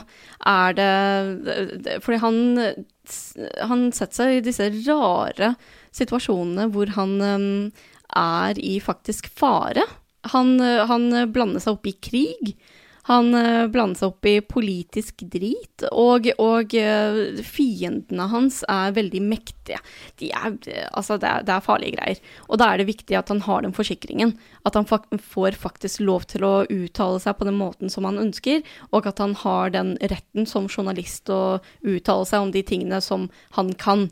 Og at han er eh, beskyttet, rett og slett. Ja, For all del, forsikring er viktig, det kan man jo forstå, men eh, jeg er enig med Hanne. Jeg syns også det var rart at eh, han uttrykte det så voldsomt og så tidlig i serien. Ikke sant? Og det er jo, eh, hvis det er noe som er interessant med eh, Spider-Man Jerusalem, så er det jo det at han er eh, en voldelig person. Ja. Han er en veldig voldelig person, eh, og han gjør hva enn han vil. Så når han gjør det, er det ikke greit med en liten forsikring om at han faktisk har det greit? Men det er jo alt, liksom. Ja. Det, det, for det er jo konsekvenser for alt mulig. Men det, det virker som om eh, eh, at han eh, Og det, det ser vi også i tegneserien, som for eksempel um, uh, så, uh, så går han uh, imot politiet, som ser ut som rene Robocops, Ja. militære. Og han, å, han gjør en sånn livestream av hva politiet holder på med downtown i eh, slummen. Eh, og eh, ja, de går vekk fra scenen. De skjønner at det er en livestream. De skjønner at eh, her, er det, her er det noen som driver og ra- eh, rapporterer rett og slett hva han holder på med. Um, og etterpå så blir han mørbanka av politiet. Så sier de gjør du dette her igjen, kommer du mot oss igjen, så tar vi deg. Men da sier han, vet du hva? Come at me, bro. Jeg, eh, jeg spytter dere i øyet. Ikke Uttaler noe han problem. Ja, antageligvis. ja, antageligvis. Men det Det hadde jo- ikke sjokkert meg. Jeg syns jo det er litt morsomt, da, fordi han er jo Ja, han skryter av at han driter i alle, men han gjør jo ikke det. Han bryr seg jo masse. Han, bryr Han seg må masse. jo det. Han gjør det. Og hvis det er noe Spider Jeg tror kanskje det er en av de tingene som gjør at uh, jeg liker Spider Jerusalem veldig godt. Det er det at han Han, han eh, misliker makta. Eh, han misliker folk som misbruker makta. Eh, og han eh, eksponerer dem. Eh, det er det han lever for. Um, men han har et veldig svakt punkt for de svake. Ok, Og det er de han har lyst til å beskytte. Og spesielt barn. Ja. Mm. Ja, nei, fordi jeg, jeg, fikk også, jeg fikk inntrykk av at det er en sånn større rettferdighetssans som driver den, heller enn eh, kanskje enkeltpersoner, men det får man kanskje se mer til lenger ut i serien enn han og jeg kom. Det gjør man. Mm. Det gjør man. Ok, men eh, så han, eh, han har eh, slengt med seg en opptaker og sjukt masse våpen i den bilen sin, og reist ned mot byen. Så nå får, vi, nå får vi endelig møte denne The City. The City. La oss snakke litt om The City. Ja, for fytti katten, det er flere, det er flere sider som går med på å skildre The City. City. Ja. Um, det første som slår en med en gang han kommer ned til byen, det er jo det at uh, det er ingen som står i den køen. Uh, på eh, tollen, er det vel, Mm. uh, for å få seg inn til byen. Og så sier uh, han personen som står i tollen om at uh, Bomringen, rett og Ja, slett. bomringen. Ja, Ja. ja. Så sier han da han eh, Spider Jerusalem spør ja, hvor er alle folka? Hvorfor er det ikke noen biler her? Så ja, er du helt idiot? Vet du ikke det at alle bor i The City? Alle er der. Uh, og det møter vi på. Vi møter veldig mange forskjellige typer folk som bor i byen. Det er veldig multikulturelt. Um, og det er uh, reklamer overalt. Ja. Har dere noensinne vært i, uh, har dere vært i uh, Seoul? Nei. Sør-Korea? Nei. Nei. Det er litt sånn. Hæ? Det er reklamer overalt. Du, no break. Altså, Men er det du politi som dytter horer av gårde, sånn som i The City? Nei, det er mye hyggeligere der. Det er det. Men uh, når det gjelder reklamer, så, så kommer det ikke unna. Det er ikke rart at folk driver og tar eh, operasjoner i hytt og pine der borte. Men um, at, eh, at det er eh, Du blir møtt Du blir bombardert, egentlig, med reklame rundt omkring, og nyheter og og eh, litt som sosiale medier, bare at istedenfor at du har det på den lille mobilen din, så har du det rundt omkring deg hele tiden. Mm. Uh, og det var for Warren Ellis um, fremtiden uh, seg Ja, for det er jo interessant at det er skrevet i en periode før smarttelefonen Ikke sant? dukka opp. Så uh, en del av de tinga han forutser, og sikkert uh, Det får man sikkert se utover uh, i serien også, i denne framtidsdystopien, må vi kunne kalle det. Ja. Eh, en, en del av det stemmer jo ikke helt med det vi ser i dag, og han hadde sikkert justert litt grann hvis han hadde skrevet det i dag. Antageligvis.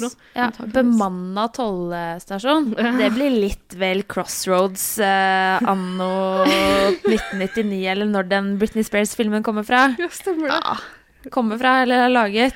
Er det der det er to For eh, jeg tenker på sånn bomstasjonen i, uh, i forbindelse med den uh, andre filmen Nei, som kom omtrent samtidig. Den, Coyote Ugly, mener Ja, jeg selvfølgelig. det er Det er 1999. Ja, Ja, ja, Fort gjort å blande de to. Ja, ja, er Britney Spears, Coyote Ugly. Same, same. Same, same. Ja, men det var litt morsomt at uh, han eh, forestiller seg at de, de er bemanna i framtida. Ja. Robocops, men uh, tollen, den består. For det er ikke består. måte på hva slags teknologi han har tilgang til sånn ellers. Nei, det er voldsomme greier. Så det er en sånn artig blanding av liksom um, Av fasttelefoner her og der, og sånn sprø teknologi. Han er sånn stemmestyrt alt mulig. Mm. Selv når han havner i en litt sånn lurvete leilighet. Mm. Og den lille PC-en hans, den var interessant. Ja. For det er sånn, Det ligner på en sånn liten eh, 1990-talls eh, TV-skjerm Mm. med eh, old timey-wimey eh, typewriter, om jeg husker riktig. Mm. Um, brillene hans er veldig interessante. Ja. men Nå, hopper vi litt. Han, han drar innom og han krever å få en jobb øh, som, øh, som journalist, for han må tjene til livets opphold mens han skriver disse bøkene. Han må det. Ja, ikke sant? Så han er innom, skaffer seg en jobb som journalist, og, og da krever han også å få en øh, leilighet. Husvære. Ja. Et ganske shabby leilighet, og det er der han får tak i disse brillene som han uh, gjerne vil ha. Ja. Før han får de, så bestemmer han seg for å ta en dusj. Mm. Eh, han ber om å uh, bli uh, Clean me uh, up all the way, man, eller sånn, sier han til dusjen. Be me up, Skari. uh, og eh, i den prosessen mister han alt håret sitt. han gjør det. Ja. Han gjør det. Eh, og så senere så finner han ut at eh, eh, alle maskinene, eller liksom maskinen som er eh, i leiligheten hans, de er også dopa. Ja, ikke sant? Ja. Nettopp. Som uh, gjør jo at det er et par malfunctions som skjer uh, i løpet av den veien, som Ja, for nettopp. Han det. finner uh, rett og slett noe knark bak i eh, hardwaren på denne maskinen som, som framstår helt fantastisk for meg. Det virker som han kan skaffe seg det han vil. Altså, maskinen sier vel selv at den kan gjøre materie om til, annen, til ting. Noe Ja, sånt, da. ja. Ja. Og det er der hvor han, eh, han blir skanna, og så spør han om eh, klær, og så eh, får han klær. Ja. Men det jeg syns er litt rart, er han, før, før han går inn i leiligheten, så sender han en kid av gårde til apoteket for å hente Askens greier han mener han trenger for å fungere Ja. som skribent. Men uh, hvorfor trenger han å gjøre sånne ting når han har tilgang til denne makeren? Nei, det er jo for at han skal prestere bedre som, eh, som forfatter, eller som eh, journalist. Men kan ikke makeren bare uh, lage det han Dop? Ja, Nei. Uh, når det gjelder uh, eh, Maskinen maker eh, makeren, den, den selvmedisinerer jo på en måte. Gjør den ikke det? Jo, jo, men jeg tror det han er mest ute etter, er noe kanskje maskinen ikke kan gi ham. Ja, det var jo ikke dop-dop han skulle ha på apoteket. Det var jo mer sånne her helsekostgreier. Jeg syns, Ja. bare, jeg syns bare det er litt rart, da. At når han har tilgang til den maskinen der, eh, hvorfor, hvorfor kan den lage noe og ikke alt? Ikke sant? Eh, ja. Nei, altså, hvor mye er det du har lyst til å stole på en dopa maskin, egentlig? Det vet jeg ikke. Det er sant. Og visste han at eh, ta, Tok han det for gitt, at det var en sånn maskin der inne, liksom? Ja, kanskje ikke. Jo, jeg, det- jeg ja. tror faktisk det. Jeg tror det er, eh, det er sånn at alle disse leilighetene har en sånn maskin. Ja. Jeg okay. tror faktisk det. Ja. Men uh, denne leiligheten som eh, Spider kommer til, det er jo i slummen. Uh, og uh, det, er ikke, det er ikke det beste stedet han kan bo, men han vil bo der. Um, så møter han på denne kiden utenfor på, på trappa. Så sier han hei, du, you little shit. Uh, kan kanskje sensurere det, jeg vet ikke. Nei, nei, nei. Nei, ok, så bra. Um, eh, hent opp, og da er det koffein, eh, da er det ting han kan eh, skyte i, ar- inn i armen, inn i tårekanalen, eh, overalt. Og det er, ja, ting som kan få han til å prestere bedre som en journalist. Ja, det er noe alle journalister er kjent med. Ikke sant? Ja. Ja, det er ikke så himla langt fra Nei, faktisk ikke. Og eh, kanskje vi der kan snakke om den journalist... Eh, den formen for journalistikk han driver, da. Ja. Fordi eh, eh, altså, han er jo ganske åpenbart, iallfall delvis modellert etter Hunter S. Thompson, det er han. Uh, som også uh, injiserte et og annet i tårekanalene sine. Ja. Eh, som ofte også, eh, ifølge ryktene, skrev eh, i, uten klærne sine og var dopa og Ja. Eh, men dette her er jo gonzo-journalistikk, og det er jo litt mer Ikke så mye på det objektive, men litt mer subjektiv journalistikk. Mm. Og Det, ja, Hunter S. Thompson plasserte seg sjøl gjerne i fortellingene Helt riktig. Sine. Og det må bare anta at eh, altså, eh, det han og jeg har eh, lest av Transmetropolitan så langt, der får vi ikke se noe av det han har skrevet, Nei. egentlig. Det får dere møte på i neste, Ja. neste issue. Mm. Kommer det eh, tekstbiter, liksom? Det gjør får? det faktisk. Det Ja. gjør det. Og da eh, Det er denne live-feeden som man gjør av disse eh, Robocop-politifolka, Mm. som driver og banker, eh, banker disse stakkarslige eh, folka som eh, eh, bare Hva kaller man det? Bare eh, lagde en barrikade eh, på, i slummen, der Ja. hvor eh, Spider Jerusalem bor. Og eh, det er noe spesielt med disse folka, og det er jo det at eh, de vil gjerne være halv alien, altså halv romvesen. Mm. Så de eh, de eh, får eh, de, de prøver å bli til eh, romvesener, men med den teknologien som de har da, så er det noe som er kortvarig, noe som varer i tre uker, og så er de vanlige mennesker igjen. Ja. Eh, men eh, for de av de som, eh, som er halv rom, romvesener, så er det sånn halve ansiktet deres er romvesen og Ja. halve ansiktet er menneske. Og det får vi et lite glimt av i en sånn TV-reportasje der Eller en TV-sendt tale eller noe sånt, som lederen til denne gjengen her, Ja. eller bevegelsen, Ja. holder. Så vi får se et glimt av det i det han og jeg har lest. Altså. Jeg tror han er sånn Frank Christ eller noe, tror jeg. Oi. Jeg husker ikke helt. Yes. Men uh, ja, og dette er en person som virkelig misbruker makta si. Ja. Han gjør det. Og uh, det, det, liker ikke Spider Jerusalem, og de er jo egentlig gamle venner. Mm.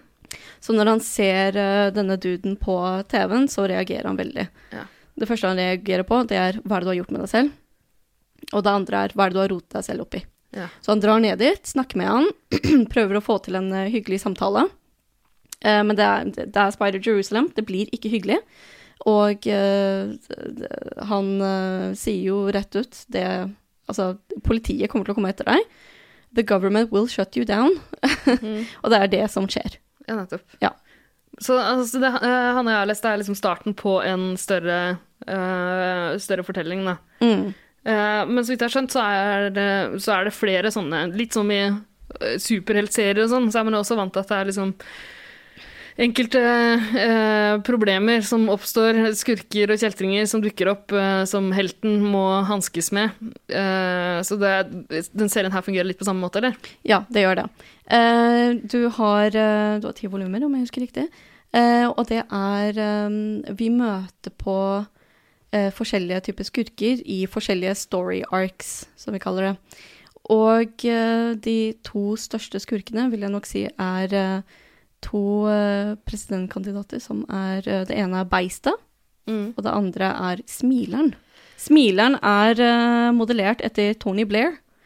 I, eh, i utseendemessig, da. Ikke personlighet. Eh, Ok. ja. Men det er like fæle mennesker som misbruker makt, og ja, som Spider ikke liker i det hele tatt. Så han møter Men den nåværende presidenten er helt ok. Eh, nei, det er, eh, det er Beistet. Oh, ja. Ja, så ikke liker bare presidentkandidat, Ja, men ikke sant. faktisk president? Ja, ja, han liker ikke Beistet i det hele tatt. Så han møter han i, eh, inn på toalettet, og det, Oi. det går ikke bra. Jøss. Tenk Ja, å få så nær tilgang til presidenten, da. Ja, ikke sant? Spider Jerusalem, han får, han får det han vil. Ja. Akkurat. Det som er litt morsomt, er at jeg blir supergira på å få vite mer av for, eh, historien når jeg sitter og hører på deg. Og det samme gjorde jeg da jeg sjekka Wikipedia-artikkelen for å bare forberede meg litt før vi møttes her i dag. Men jeg må si at eh, det å lese selve tegneserien, det var litt utmattende. Hvorfor det? Veldig mye informasjon eh, på, hver, eh, på hvert panel, for å bruke fagspråket som jeg har lært her i aften. Men også fordi vi har jo lest en digital utgave. Og det ehm, Det er litt fordi jeg ikke finner brillene mine, så det er min egen feil. Men eh, jeg ble ganske sliten i øynene av å lese tegneserie med så stor detaljrikdom. Absolutt. Så mye farger og altså Og det å klare å følge med på historien på skjerm, det syns jeg var supervanskelig. Mm. Så jeg tror og, at jeg kommer til å få tak i, prøve å få tak i eh, i hvert fall volum én. Mm. Og så blir det vel et par til, men i fysisk format. Jeg tror Mm. det er, For min del da, så tror jeg det må til. Ja, jeg syns også det var veldig uvant å lese tegneserier. Jeg leser ikke så mye tegneserier nå om dagen som jeg gjorde da jeg var ung. Eh, men jeg syns også det var veldig uvant å ha det på skjerm og måtte liksom scrolle litt. Grann. Eh, jeg vet ikke, jeg tror det hadde vært eh, enklere kanskje om man fikk inntrykk av hele sida med en gang, men jeg måtte iallfall scrolle litt. Man kan sikkert endre størrelsen sånne for alder. Mm. Men um, uh, nei, så noen ganger var det litt uh, vrient å ja, få med seg detaljrikdommen, som Hanne nevner. For det er veldig mye sånn artige småting som dukker opp rundt omkring her. Um, vi ser i i et eh, bilde så ser vi Eller panel, om du vil. Jeg vet ikke. Eh, så ser vi en ugle med en rotte i, eller mus i kjeften, Ja. ikke sant? Ja, ikke Eh, sant. Bare i et hjørne. Og sånne småting som det. Det minner meg litt om det, disse gamle Donald-tegnerne som kunne liksom lage en helt egen liten sidehistorie med noe mus i nei, i kåken til Donald. Mm. Eh, ikke sant? Sånne småting som det er veldig fint, men man får ikke helhetsinntrykket eh, på skjerm, kanskje. Jeg vet ikke helt, jeg. Hva, leser du stort sett digitalt, eller? Nei, jeg både og. Eh, jeg leser eh, tegneserier eh, i bokformat, og så leser jeg dem på skjermen. Men har Hanne og jeg rett i at man mister noe i det digitale?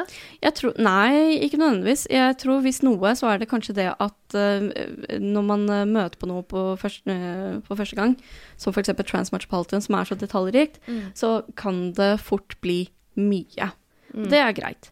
Men uh, hvis en person som har eh, lest uh, tegneserier i hele livet sitt, uh, skal plutselig gå over til uh, digitale formen, så tror jeg ikke det hadde vært eh, like vanskelig, Mm. tror jeg.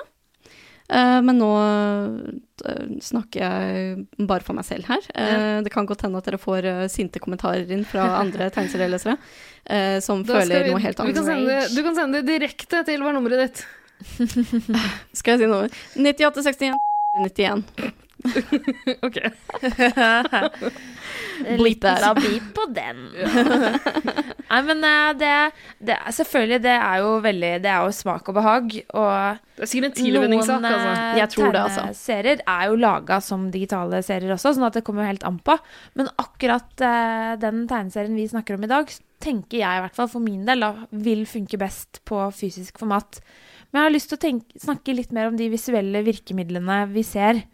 Eh, kan man si at tegningene liksom tilhører en sjanger, eller er dette her en Har det et navn, den stilen det er tegna i? Ja, jeg, jeg vil nok si at Transmetropolitan eh, tilhører cyberpunk-sjangeren, og at eh, det er irri, det er gritty, og eh, veldig, veldig mye teknologi. Eh, det er eh, noe som er i fremtiden, og eh, det er skumle greier som skjer. Så det er veldig mye detaljer, veldig mye som skjer, eh, og veldig mye fremmed, ikke minst. Mm. og eh, vi har jo møtt på cyberpunk tidligere i filmer. Mm. Skal vi se Har vi noe, det- har vi noe eksempler Ja, på det? Ja, vi jo har det. Blade Runner. Helt riktig. Mad Max, kanskje? Er det Cyberpunk? Eller blander jeg nå? Altså, jeg måtte rett og slett uh, google akkurat det begrepet her. Fordi Mhm. han, uh, tegneserien blir jo beskrevet som en cyberpunk-tegneserie på Ja. Wikipedia-siden. Det er det jeg tar utgangspunkt i nå. Og cyberpunk, definisjonen av en cyberpunk-serie, er at det er en slags kombinasjon mellom lowlife-karakter og high-tech. Altså høyteknologi og lowlife-folk. District 9, kanskje? Er det litt i Cyberpunk-land? Ja. Kanskje? ja. Ja, jeg har også notert at uh, The Matrix og Neuromancer og tilhører den sjangeren, da. Helt klart. Og at det er noe med den på en måte At karakterene gjerne er en Ja, et treffpunkt mellom da en eller annen som lever et litt sånn gritty liv, i møte med høyteknologiske nyvinninger. Mm. Men også at det er et element av eh, eh, noe radikalt som skal forandre seg, eller som er i forandring. Eller at protagonistene gjerne er liksom de som vil skape endring. Mm. Og der tenker jeg at eh, herr Jerusalem absolutt er i liksom in the midst of. Em, selv om det jeg har sett av den introen, så leser jeg jo han som en type som ikke er på en måte i stand til å skape forandring, fordi han er så utrolig misantrop. Og hvordan skal en misantrop eh, gidde å skape positiv endring for sine omgivelser, på en måte? Ja, jeg skjønner hva du mener. Uh, men det er uh, Jeg ville nok sagt at det er uh, eh, fordi han uh, misliker folk, så føler han at han har den um, Det ansvaret om å forandre på ting. Ja. Som journalist. Og det, altså det, det er noe som også kjennetegner Hunter S. Thompson, uten at jeg har lest så veldig mye av han, men det jeg husker av Fear and Loathing on the Campaign Trail. Altså, Ja, ikke sant. det er jo mye av det samme. Ja. Han er misantrop fordi de rådende forholdene gjør at folk er kjipe, kanskje. Og hvis Mm. man hadde endra samfunnsstrukturen, så hadde folk blitt litt bedre. Kanskje det er noe der. Mm. Det er også eh, ordet Altså, navnet på serien heter jo Transmetropolitan. Og denne karakteren og denne serien eh, tar opp en del temaer som vi knytter til en filosof filosofisk retning som jeg kan veldig lite om, eh, men transhumanisme. Mm. Jeg må ærlig si at Jeg kan eh, ingenting om det. Første gang jeg på en måte skjønte litt av hva greia var, var under en trygdekontorepisode som kom for sånn tre år siden eller sånt nå. To år siden. Hvor han eh, Han er vel filosof. Enten om han holder på å studere en ph.d., eller om han er ferdig og liksom er legit filosof. Eh, og transhumanist. Eh, fort, satt og fortalte om det prosjektet han er en del av, som handler om at man Ja, tanken er Man har så tro på teknologi Mm. at de, når de dør, så vil de bli fryst ned. Fordi de har trua nok på teknologi at om 50 år, da, om 80 år, så vil vi ha kommet der at man kan på en måte gjenopplive og gi evig liv, nærmest. Ikke kanskje evig liv, da, men det er en veldig flåsete tolkning av det. Men at det er noe sånn, da. Men poenget med transhumanisme er det å utvikle og tilgjengeliggjøre teknologi for å forbedre liksom Menneskeheten. Ja. Mm. Både det kognitive, holdt jeg på å si, både vår forståelse, men òg det fysiologiske. Mm. Ganske spennende. Veldig spennende. Og det skjer jo i tegneserien også. Det at uh, individet blir uh, fryst ned og uh, våkner opp i en helt ny kropp i fremtiden. Og så må det Ja. tilpasse seg. Jeg lurer på om vi ser no litt vi ser, eh, vi ser noen sånne figurer, og eh, jeg tror det bare nevnes sånn eh, Jeg tror kanskje Nå er jeg litt usikker, men jeg tror det er Spider Jerusalem selv som forteller litt om de forskjellige folkene han ser når han kommer inn i byen. ikke sant? Riktig. Men, altså, der står det noen med eh, sånn eh, strupesang og holder på Ja, det. stemmer. Eh, og så tror jeg kanskje han også nevner Enten så er det han, eller så er det en eh, nyhetsreportasje, det også. Um, en, en flokk som har blitt uh, gjenoppliva og er så forvirra at så fort de ser ut av vinduet, så, så blir de sprø. Ja, ja, for det er så fremmed for dem. Mm. De er, eh, de er en helt ny verden, og de må tilpasse seg. Og det er veldig vanskelig. Ja. Og de må gå gjennom eh, et eh, program for å tilpasse seg eh, i en slags eh, institusjon før de eh, går ut i eh, den virkelige verdenen igjen. Eh, og det er triste greier. Uh, Transmetropolitan-tittelen er faktisk eh, inspirert av en eh, The Pogues-sang. Er det sant? Hvilken da? Transmetropolitan. Ja.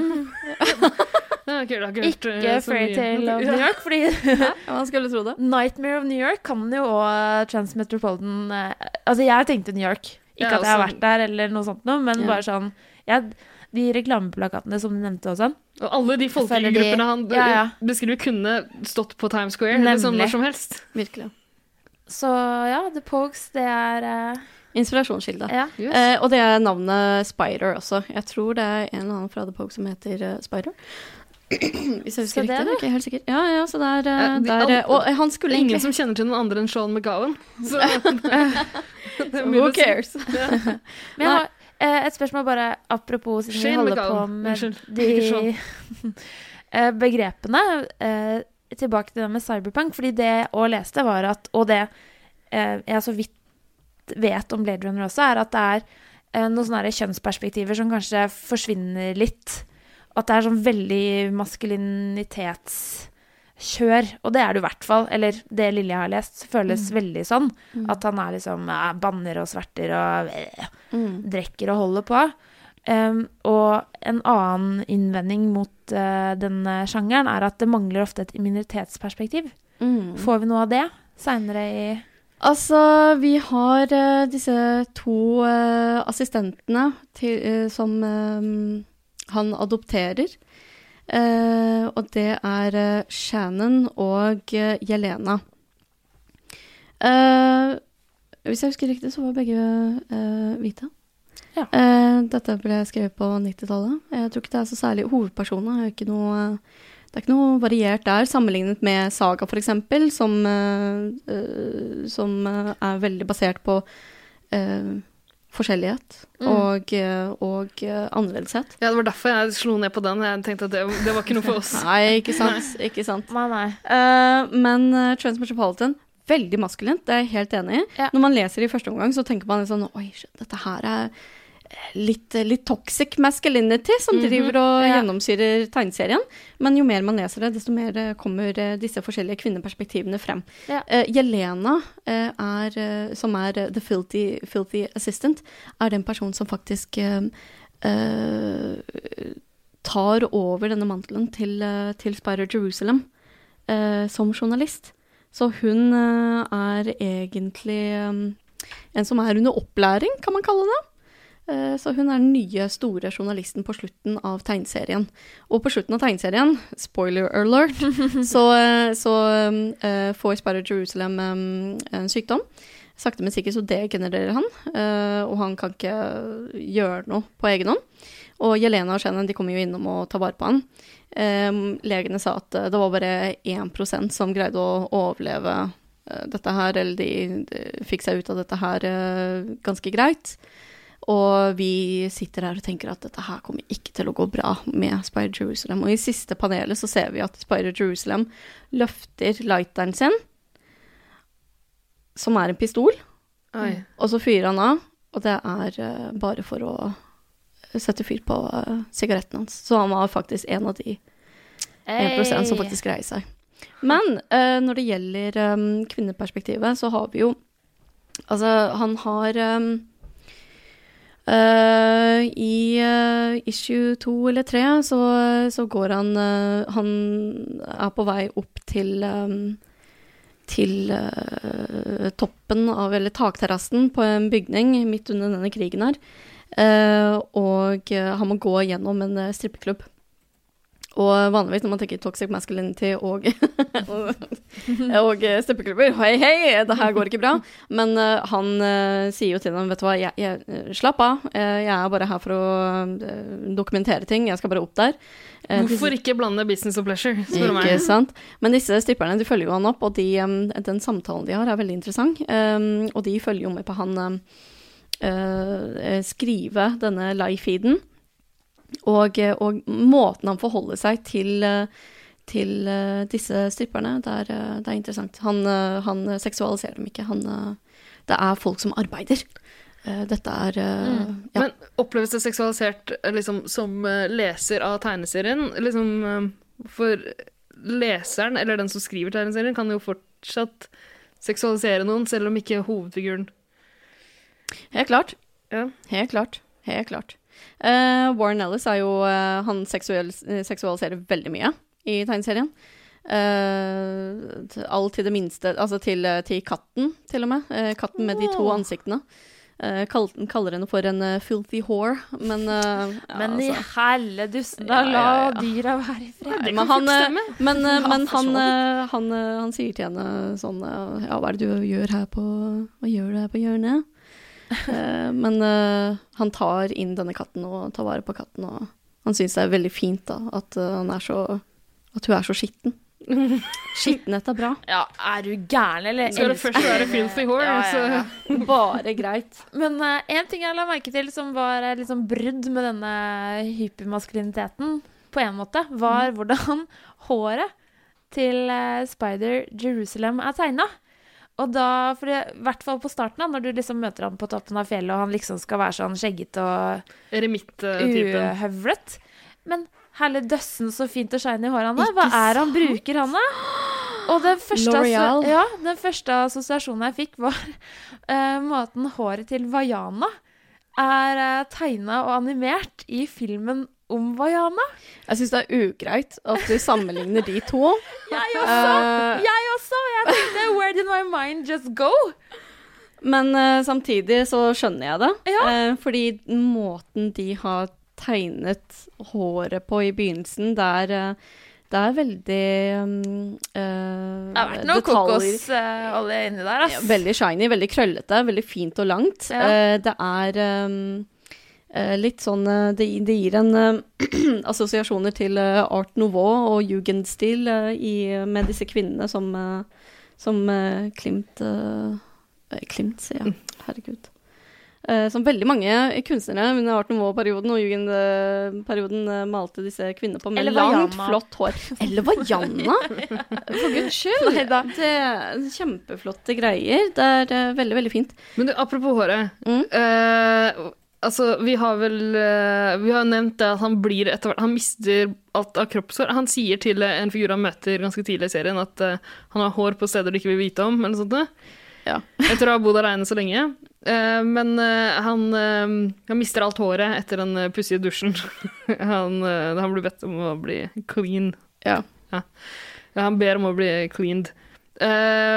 Og jeg lurer på om det var et grep illustratøren gjorde, fordi det var så irriterende å tegne alle de krøllene, at han ganske tidlig bare ga opp det og gjorde den helt skalla. Ja, ja altså det, det var meningen at han skulle være skalla fra begynnelsen av.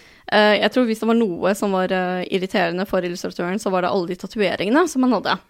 Ja. Tribals galore. Eh, Tribals De også galore. stussa jeg veldig over, fordi det her framstår som en figur som på en måte ikke bryr seg Altså, Bryr han seg om tatoveringer? Hvorfor har han tatt alle de der? Og når han først har de, hvorfor så stygge? Ikke sant? Ja. Jeg tror de er stygge fordi at de er lette å tegne. Ja, ikke Tribal. sant? At det er, det er noe som er eh, lett å tegne gang på gang fra panel til panel.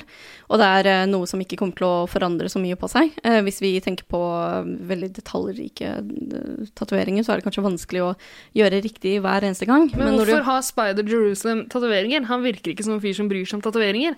Men det er Gjør han som, ikke det? Ikke sant? Det er det som, er, eh, som jeg begynner å forstå nå. Ja. At uh, Spider Jerusalem, han eh, er sånn som de tøffeste tiåringene jeg veit om. Mhm. Som hver gang det har skjedd noe, så er det det første reaksjonen er ja, bry meg lite. Så bare Men kjære deg, du bryr deg så mye, du. Helt riktig. Du går så hardt inn for å vise at du bryr deg lite, men det gjør du ikke. Det begynner jeg å skjønne nå. Og jeg, ja, nå begynner jeg å kjenne at uh, Transmetropolitan kanskje faktisk skal eh, Jeg må oppsøke et eller annet sted, for jeg får fått tak i et fysisk format. Du må nesten det, altså. Men hvor, hvor går jeg da? at du skal skaffe deg massevis av Hvor går jeg da? Eh, Da går du til Outland. Ja. Veldig greit. Veldig greit. Og da kan du eh, få det i volumer. Veldig fint. Og de volumene de solgte mye bedre enn disse månedlige issuene, som var veldig få sider om gangen. Eh, De samlede verkene var noe som eh, solgte mye bedre. Og da er det Vertigo som eh, publiserte dette her. Først var det egentlig Helix, som var et uh, søsterselskap. Uh, Men på 90-tallet så var det veldig mye som falt fra hverandre i tegneserieverden, og veldig mange uh, steder som måtte legges ned, inkludert Helix. Så da var det Vertigo som tok over og adopterte Transmetropolitan. Eh, Jeg tror det var eh, syvende issue at, eh, at de, eh, eller syvende eksemplar, at de da bestemte seg for å adoptere det, fordi det var ganske populært. Um, så du kan kjøpe det der. Eller så kan du, hvis dere er interessert i å lese dette her på paden deres, så er det mulig å laste ned på Amazon. Ja, Se det. Ja. da vet folk hvor de skal gå hvis de skal oppsøke det her, og det håper jeg egentlig folk gjør. Støtt Outland. Ja, ikke sant? Og så Mhm. går det sikkert an å bestille og få tilsendt ting der også. Absolutt. Ja. Eller tar jeg turen når jeg har sett at de har sånn fint spillerom i annen etasje der òg. Har du vært der noen gang? Nede i underetasjen. Jeg trodde det var over, jeg. Å ja, du mener Å ja, du mener da, Ja, ja. Ja, I I underetasjen din så har, så har de eh, veldig mye sånne mm, terninger og sånt for eh, Ja. D&D. Eh, og Uff, tenk på det. Det er så det. vilt å tenke på. tenk det. De har virkelig ekspandert, ass. Ja. De har det. Har du vært der og spilt eh, noen gang? Hell no. Ok. ja, men det hadde vært så kult hvis du hadde det. Jeg har ikke tid. Da hadde du vært vært den mest sammensatte personen jeg har møtt. da, nei, det, det Jeg spilte faktisk uh, Pathfinder med, med et par venner i Kristiansand en veldig god stund tilbake. Eh, og eh, ellers så gjorde jeg um, eh, Skrev jeg faktisk online, eh, og det er veldig gøy. Så online role-playing game. Oi, Ja, veldig moro. Eh, hvor du da spiller mot andre, og så skriver dere en historie sammen. du, så gøy. Veldig gøy. Veldig kult. Mm. Kanskje vi en vakker dag kan utforske det i en egen episode av Jazzmgutta? Oi, oi, oi, oi, oi. Ja, Da kaller vi deg inn tilbake igjen. Gjør det. Det gjør vi. Men først må vi jo avslutte denne episoden, og det vi pleier å gjøre når vi nærmer oss slutten av jazzinga om et tema. For det tror jeg vi gjør nå, eller er det noen som har noe på hjertet før vi gir en dom? Jeg føler jeg har, jeg føler jeg har fått vite veldig mye. Ja, ja. Og fått snakka mye. Så jeg ja, er nøyd. ja men da får vi dømme. Fordi jeg bare antar at du er enig. Ja, Enig. Uh, nei, for det vi pleier å gjøre, er å gi, gi uh, en tallkarakter fra 1 til 100. Rare greier. Men sånn har det nå en gang blitt. Ja, det har faktisk det. Ja, og før vi satte på mikrofonene her, så uh, ba du oss, Sinat, om å eh, eh, forklare um, rangeringssystemet. Det er ikke verre det enn at 100 er tipp topp, og 1 er dritt. så nå, nå får vi bare plassere Transmetropolitan et sted på den skalaen her. Uh, igjen, han og jeg har bare lest den her eh, introduksjonen. Ja, Litt vanskelig å bedømme ut ifra det, er det ikke det? ja men jeg, jeg er klar, jeg. Ja, det gjør vi. Okay. vi ja, så langt har vi dømt alt fra James Bond til, eh, til eh, smalere ting. Så jeg vet ikke. Um, hvem skal begynne? Skal jeg begynne? Gjør det. Ok. Uh, jeg um, Ja, det var jeg ikke helt forberedt på, egentlig. Nei, men da gjør jeg det. Ja. Jeg lander på 74. Ok? Uh, fordi egentlig så syns jeg, etter at vi har snakka med hverandre nå, så kjenner jeg at dette her fascinerer meg. Mm. Det er noen ting ved det jeg har lest som var sånn ah, dette her vet jeg ikke helt om er noe for meg. Jeg syns det ble litt sånn Det er, det er noe med språket. At det blir, det blir så mye. Ja. Og det er tungt å lese igjen. Det kan hende det er lettere på, i fysisk format for min del. Men det er, det er mye tekst. Det er mye som skjer. Eh, det skuffa meg stort at han tok håret. Og derfor havner jeg på 74. Det er egentlig ganske bra, da. Ja. Vaiana. Vaiana, jeg er forresten 120. Men det er til en annen podkast jeg holder på med. Ja. OK. Ida. Ja, eh, altså Jeg er litt enig med det, med det han sier. Det er, eh, det er mye av tematikken og Egentlig, jeg liker språket. Jeg liker at det er litt sånn teksttungt. Og eh, det at han er journalist, eh, og at man får, uh, iallfall seinere i serien, litt sånn inntrykk av hvordan han skriver. Vi får inntrykk av det i starten her også, i at han Jeg tror han har på en opptaker og, og, eh, og, og skriver veldig mye, liksom På en måte bare ved å si ting, da. Eh, eh, det liker jeg ganske godt. Tematikken, som sagt, eh, kan eh, interessere meg. Det er litt usk... Altså, jeg har en sånn sperre for alt som har litt å gjøre med science fiction, og jeg får litt den samme følelsen her som jeg ofte gjør når jeg møter science fiction-verk, så det er jeg litt usikker på. Um, det er et par sånne småting som irriterer meg med det jeg har sett så langt. Bare for å ta én ting som jeg egentlig hadde lyst til å nevne i stad, snakka om detaljrikdommen. Altså, I den hytta hans på toppen av fjellet så ser man at han har eh, eh, en bok liggende, og på den står det 'Confederacy of Dunces'. Ikke sant? Og det er jo sånne ting som man gjerne gjør i ikke bare Altså ikke Selvfølgelig ikke bare i tegneserier, men i filmer og TV-serier og overalt. Plassere sånne ting for at vi skal få et inntrykk av figuren, da, se hva de er opptatt av. Um, og jeg lurer på om det kanskje oppleves litt verre for meg når det er tegna sånn som her, hvor det bare er skrevet uh, 'Confederacy of Dunces' på, på tittelen. Jeg vet ikke. Um, eh, jeg vet ikke om jeg forventer at de skal tegne hel, et helt bokomslag, akkurat. Det er småting som det, men det har kanskje mer å gjøre med tegneserieformatet enn noe annet. Uh, enig med Hanne også i at det er svært skuffende at han tar uh, håret. Uh, fordi jeg Altså Jeg syns at alle tegneseriefigurer skal være kjekke eh, og ha vakkert hår. Og ingen skalla folk er kjekke. Hva? Nei. Det, det er jeg uenig i. Ja. Syns ikke du at Vin Diesel er kjekk? Nei. Eller Syns Bruce du? Willis? Nei.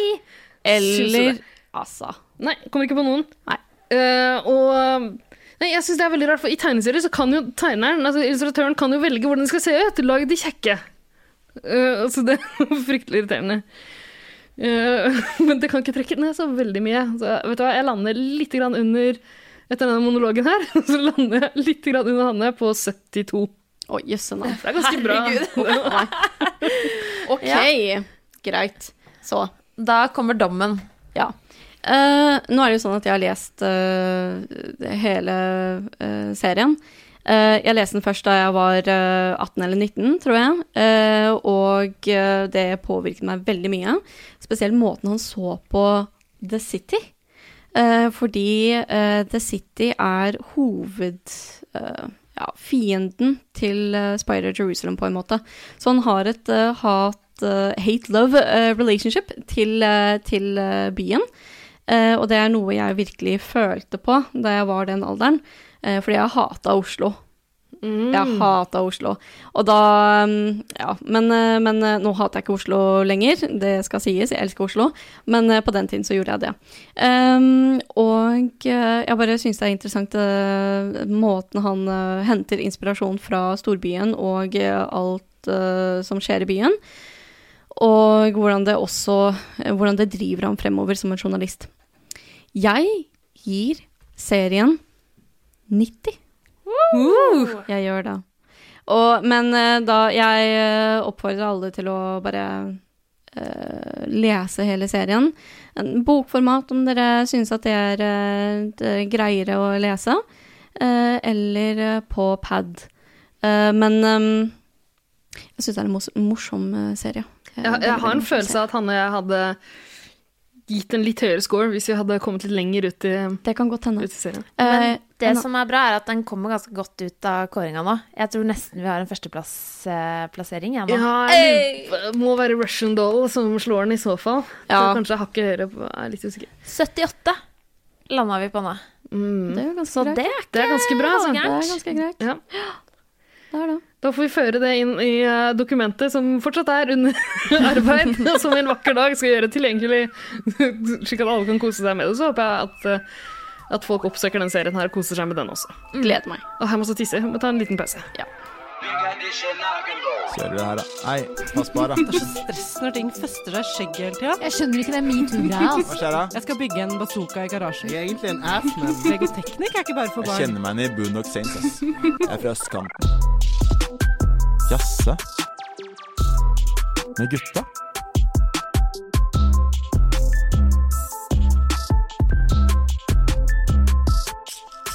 Hvem skulle trodd at gutta dine kunne jazze seg halvt i hjel etter å ha lest eh, en snau innledning til en tegneserie?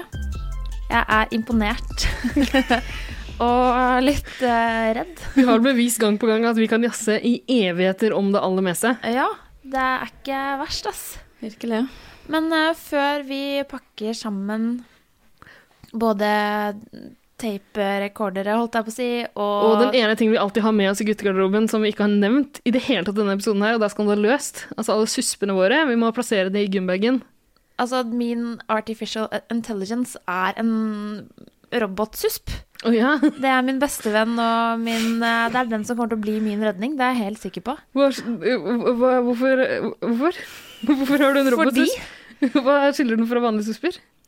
Er den har kunstig intelligens. Ja. Transhumanisme. Rett og slett. Mhm. Eh, og den skal, uh, den skal jeg bruke når den tid kommer, fordi det går jo åt skogen. Det er ingen tvil om. Uh, men før vi pakker med oss det, det vi har av våpen og annet beskyttelsesutstyr, så skal Ja, og før vi beveger oss ut i vår egen dystopiske The City, så Zina, du har heldigvis en anbefaling eh, som vi kan kose oss med før det hele står i brann. Ja, absolutt. Det har jeg. jeg tenkte bare jeg skulle la deg avslutte den setningen. Tusen takk. Det var eh, utrolig bra du gjorde. Ja. Eh, altså, nå er vi tilbake i Netflix-land. Eh, ting som er eh, tilgjengelig der. Nå har vi allerede snakket om eh, Umbrella Academy. Eh, tegneseriebasert, veldig flott. Nå beveger vi oss inn til krim. Og det er eh, en serie som er basert på en roman av, med samme tittel, som heter The Sinner. Og denne romanen eh, er eh, egentlig tysk. Og i serien eh, så har vi da to sesonger. Eh, første sesongen så møter vi på Jessica Biel Ja. og Bill Pullman. Og i den serien, eh, hvor vi bare har åtte episoder, som er ganske lite Litt Eh, forbinder Jessica Biel med uh, Hva heter den syvende far i huset, holdt jeg på å si? Ja. Seventh Heaven. Og forbinder Bill Pullman med Mens du sov, storfilmen med Sandra Bullock. Åh, den var fantastisk. Ja. Åh, jeg var så forelska i den, eh, i den uh, filmen der. Ja. Det var kjempeflott. Ja, Fantastisk julefilm. Er det en julefilm, det? Det er det. Å, jobber du ikke med en sånn uh, bomstasjon? Nei, hun jobber med sånn Hun jobber på en bomstasjon. Jo, hun gjør jo Nei, er det ikke sånn uh, T-bane-tokens du selger? Ja, billett uh, Det går ja. for det samme? Same shit. Ja. Ja. Ok, beklager. Tilbake til The Sinner. The Sinner er uh, veldig flott, eh, men allerede på første episode så hadde jeg lyst til å slå av eh, alt og bare gå og legge meg. Eh, det var veldig tungt. Og denne sesongen her dreier seg om Jessica Biel. Spoiler alert. Hvilken Eh, sesong er det? Er det? Første sesong. Ok. Ja. Eh, Det er to sesonger. Ja. Eh, Andre sesong dreier seg om en liten kid. Men denne sesongen Jeg har ikke sett den ennå. Men denne sesongen dreier seg om Jessica Biel, som er husmor. Gift med en dude som ligner prikk lik på John Snow, altså Kit Harrington, som spiller John Snow i eh, Game of Thrones. Ja. Eh, veldig flott kar, veldig støttende husbonde eh, til eh, Jessica Biel. Men hun har noen problemer, og vi skjønner allerede i episode én. Fordi i episode én Er hun en sinner? Hun er en sinner. Og hun er på stranda med familien sin, altså med denne lille kiden og eh, mannen sin. Plutselig så hører hun en sang, og så klikker det for henne. Og hun tar eh, kniven hun brukte for å eh, ja eh, hva skal man si kutte opp i en pære eller hva enn det er. Frukt. eh, som Det kan ikke være mango, iallfall, for de kutter man ikke opp. Nei, nei, nei. Det var ikke mango. Eh, og så går hun løs på denne personen, på denne karen som sitter rett foran henne, Å, Yes. og dreper han. Jaha. Det var tragisk. Og så havner hun eh, selvsagt i fengsel. Vi aner ikke hvorfor hun gjorde det hun gjorde, for hun virket som en helt normal eh, dame. Uh, og denne sangen trigget henne. Jaha. Ja. Så det er, veldig, det er en veldig trist historie. Ekstremt trist. Hvis noe så ligner det veldig mye egentlig på den uh, serien som dere snakket om i eh, i uh, en Russian tidligere- Doll? Eller Nei. den andre uh, s- eh, s- Sharp Objects. Sharp Objects, ja. Ligner veldig, Ja. uh, med tanke på flashbacks og, og eh, eh, en ødelagt eh, barndom og triste greier og eh, en veldig vanskelig eh, hovedkarakter. Herregud, perfekt for meg, jo. Ikke sant? Jeg tror du kommer til å like det, Anna. Ja, men det skal jeg sjekke ut. Absolutt. Men hva slags sang er det som trigger henne så voldsomt? Gud, jeg husker ikke sangen på den. Jeg tror det kommer til å dukke opp på den eh, skjermen som du har foran deg, hva den sangen heter.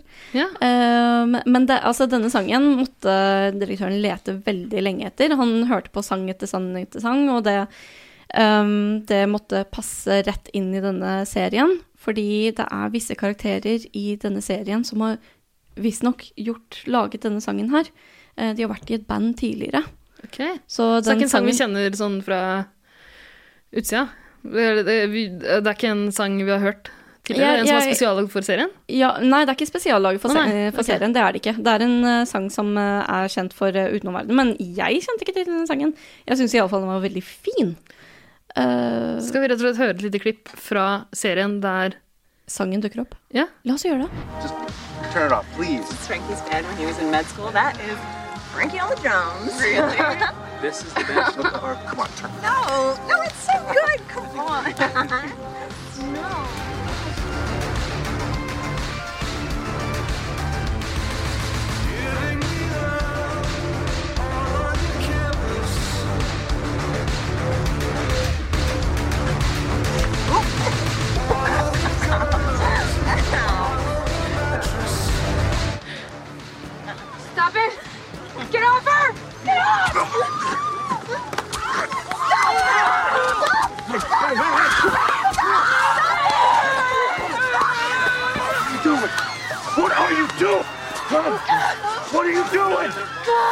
Herregud!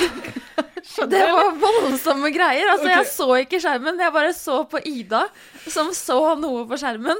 Uh, Jeg så den scenen som uh, var Å, ganske Gud brutal. bedre. Altså.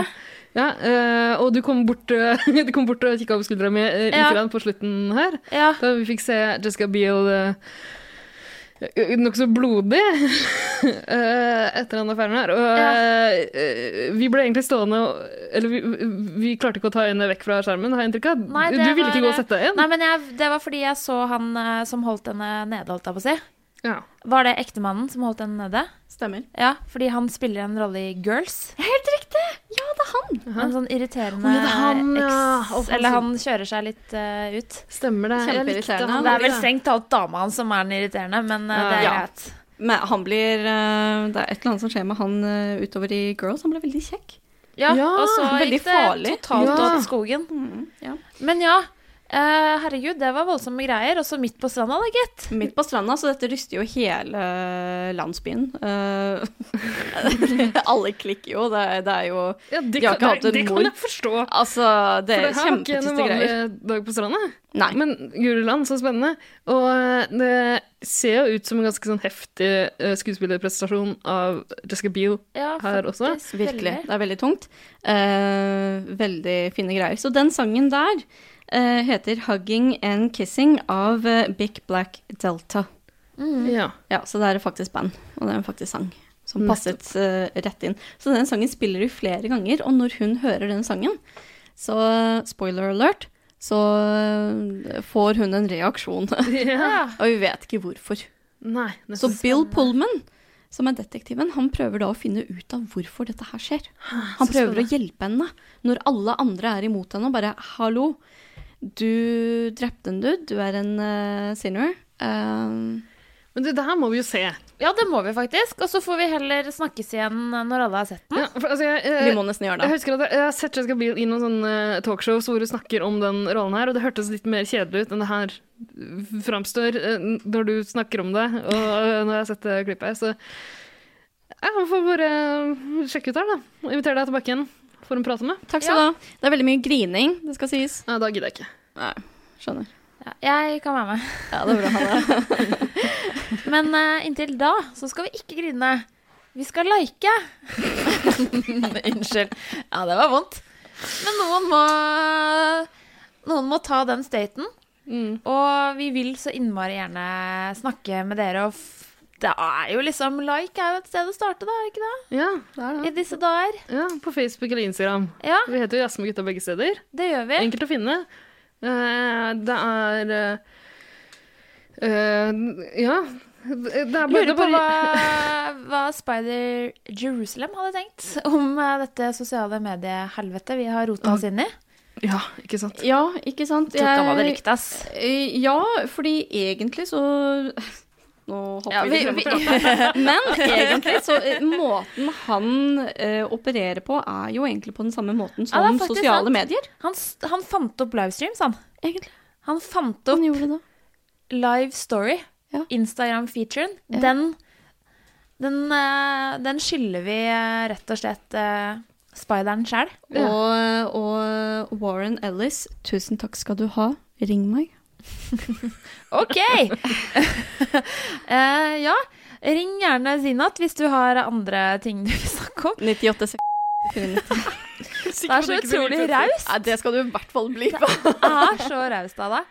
Neida. Men vi andre vi snakkes på Facebooken, på Instagrammen. Ja, Legg igjen et review i din foretrukne det kjempeviktig. podkastspiller. Det er sånn andre folk oppdager denne podkasten, og det vil vi jo. Vi vil Ja. at guttegarderoben skal utvides. Absolutt. Jeg har sendt en søknad til eh, kommunestyret. Og det har fungert litt dårlig så langt at vi maser om det i hver episode, men uh, skal vi fortsette å gjøre det til vi får uh, flere, eller? Vi gjør det. Og nå som Arne ikke er her i denne episoden, så kan vi love at uh, den neste som um, kan sende igjen en screenshot av et review du har lagt inn på um, iTunes eller Apple iPod-appen. Uh, Arne kan uh, lage Han kan skrive og framføre et dikt eh, som en hyllest til deg på din foretrukne dialekt eller med din foretrukne aksent. Det går Arne med på. Det er premien. Det er premien. Ja. Flott! Det, det får han til. Jeg skal finne fram den Eventuelt kan du få mangoen, en mango. Ja, det, den, eh, det lodder vi ut rett som det er. Ja, så fint. Ja. Det har vært skikkelig, skikkelig hyggelig å nerde Så mye har ikke jeg nøla på en stund. Så det var digg. Åh, det Ja. er godt å høre. Ja, det var stas. Det var veldig fint. Jeg var litt uh, nervøs. Det var det, men nå er, nå er det over. Nå må vi gå. Let's get out of here. Og så snakkes vi en annen gang.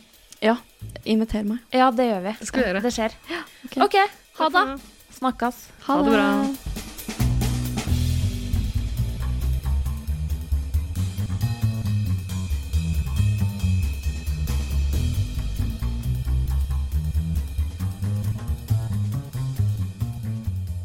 Tror jeg, jeg gjorde Gud, for en uh, sjuk ting å si. Men var ikke den filmen ganske dårlig? Jo, den var det. Jo, den var kjempedårlig. Den var det. John Cusack. Ja. Kjedelig. Men Catherine Sitter-Jones Kul. Alles Veldig kul. type. Alles type! Hva heter hovedstaden i Tyrkia? Ankara! Ja. Hvilken by er hovedstad i New Zealand?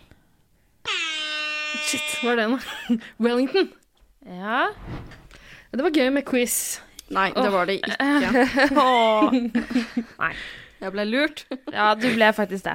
Jeg solgte det inn som noe morsommere enn det det egentlig var. Jeg synes det var fantastisk morsomt. Ja. For alle involverte. I'm really rich. Å drive en bedrift uten regnskapsprogrammet TrippelTex er litt som å piske krem uten miksmaster. Det går jo, men det bare tar masse unødvendig tid. TrippelTex, det fleksible regnskapsprogrammet som forenkler hverdagen for over 100 000 fornøyde kunder. Prøv gratis på TrippelTex.no.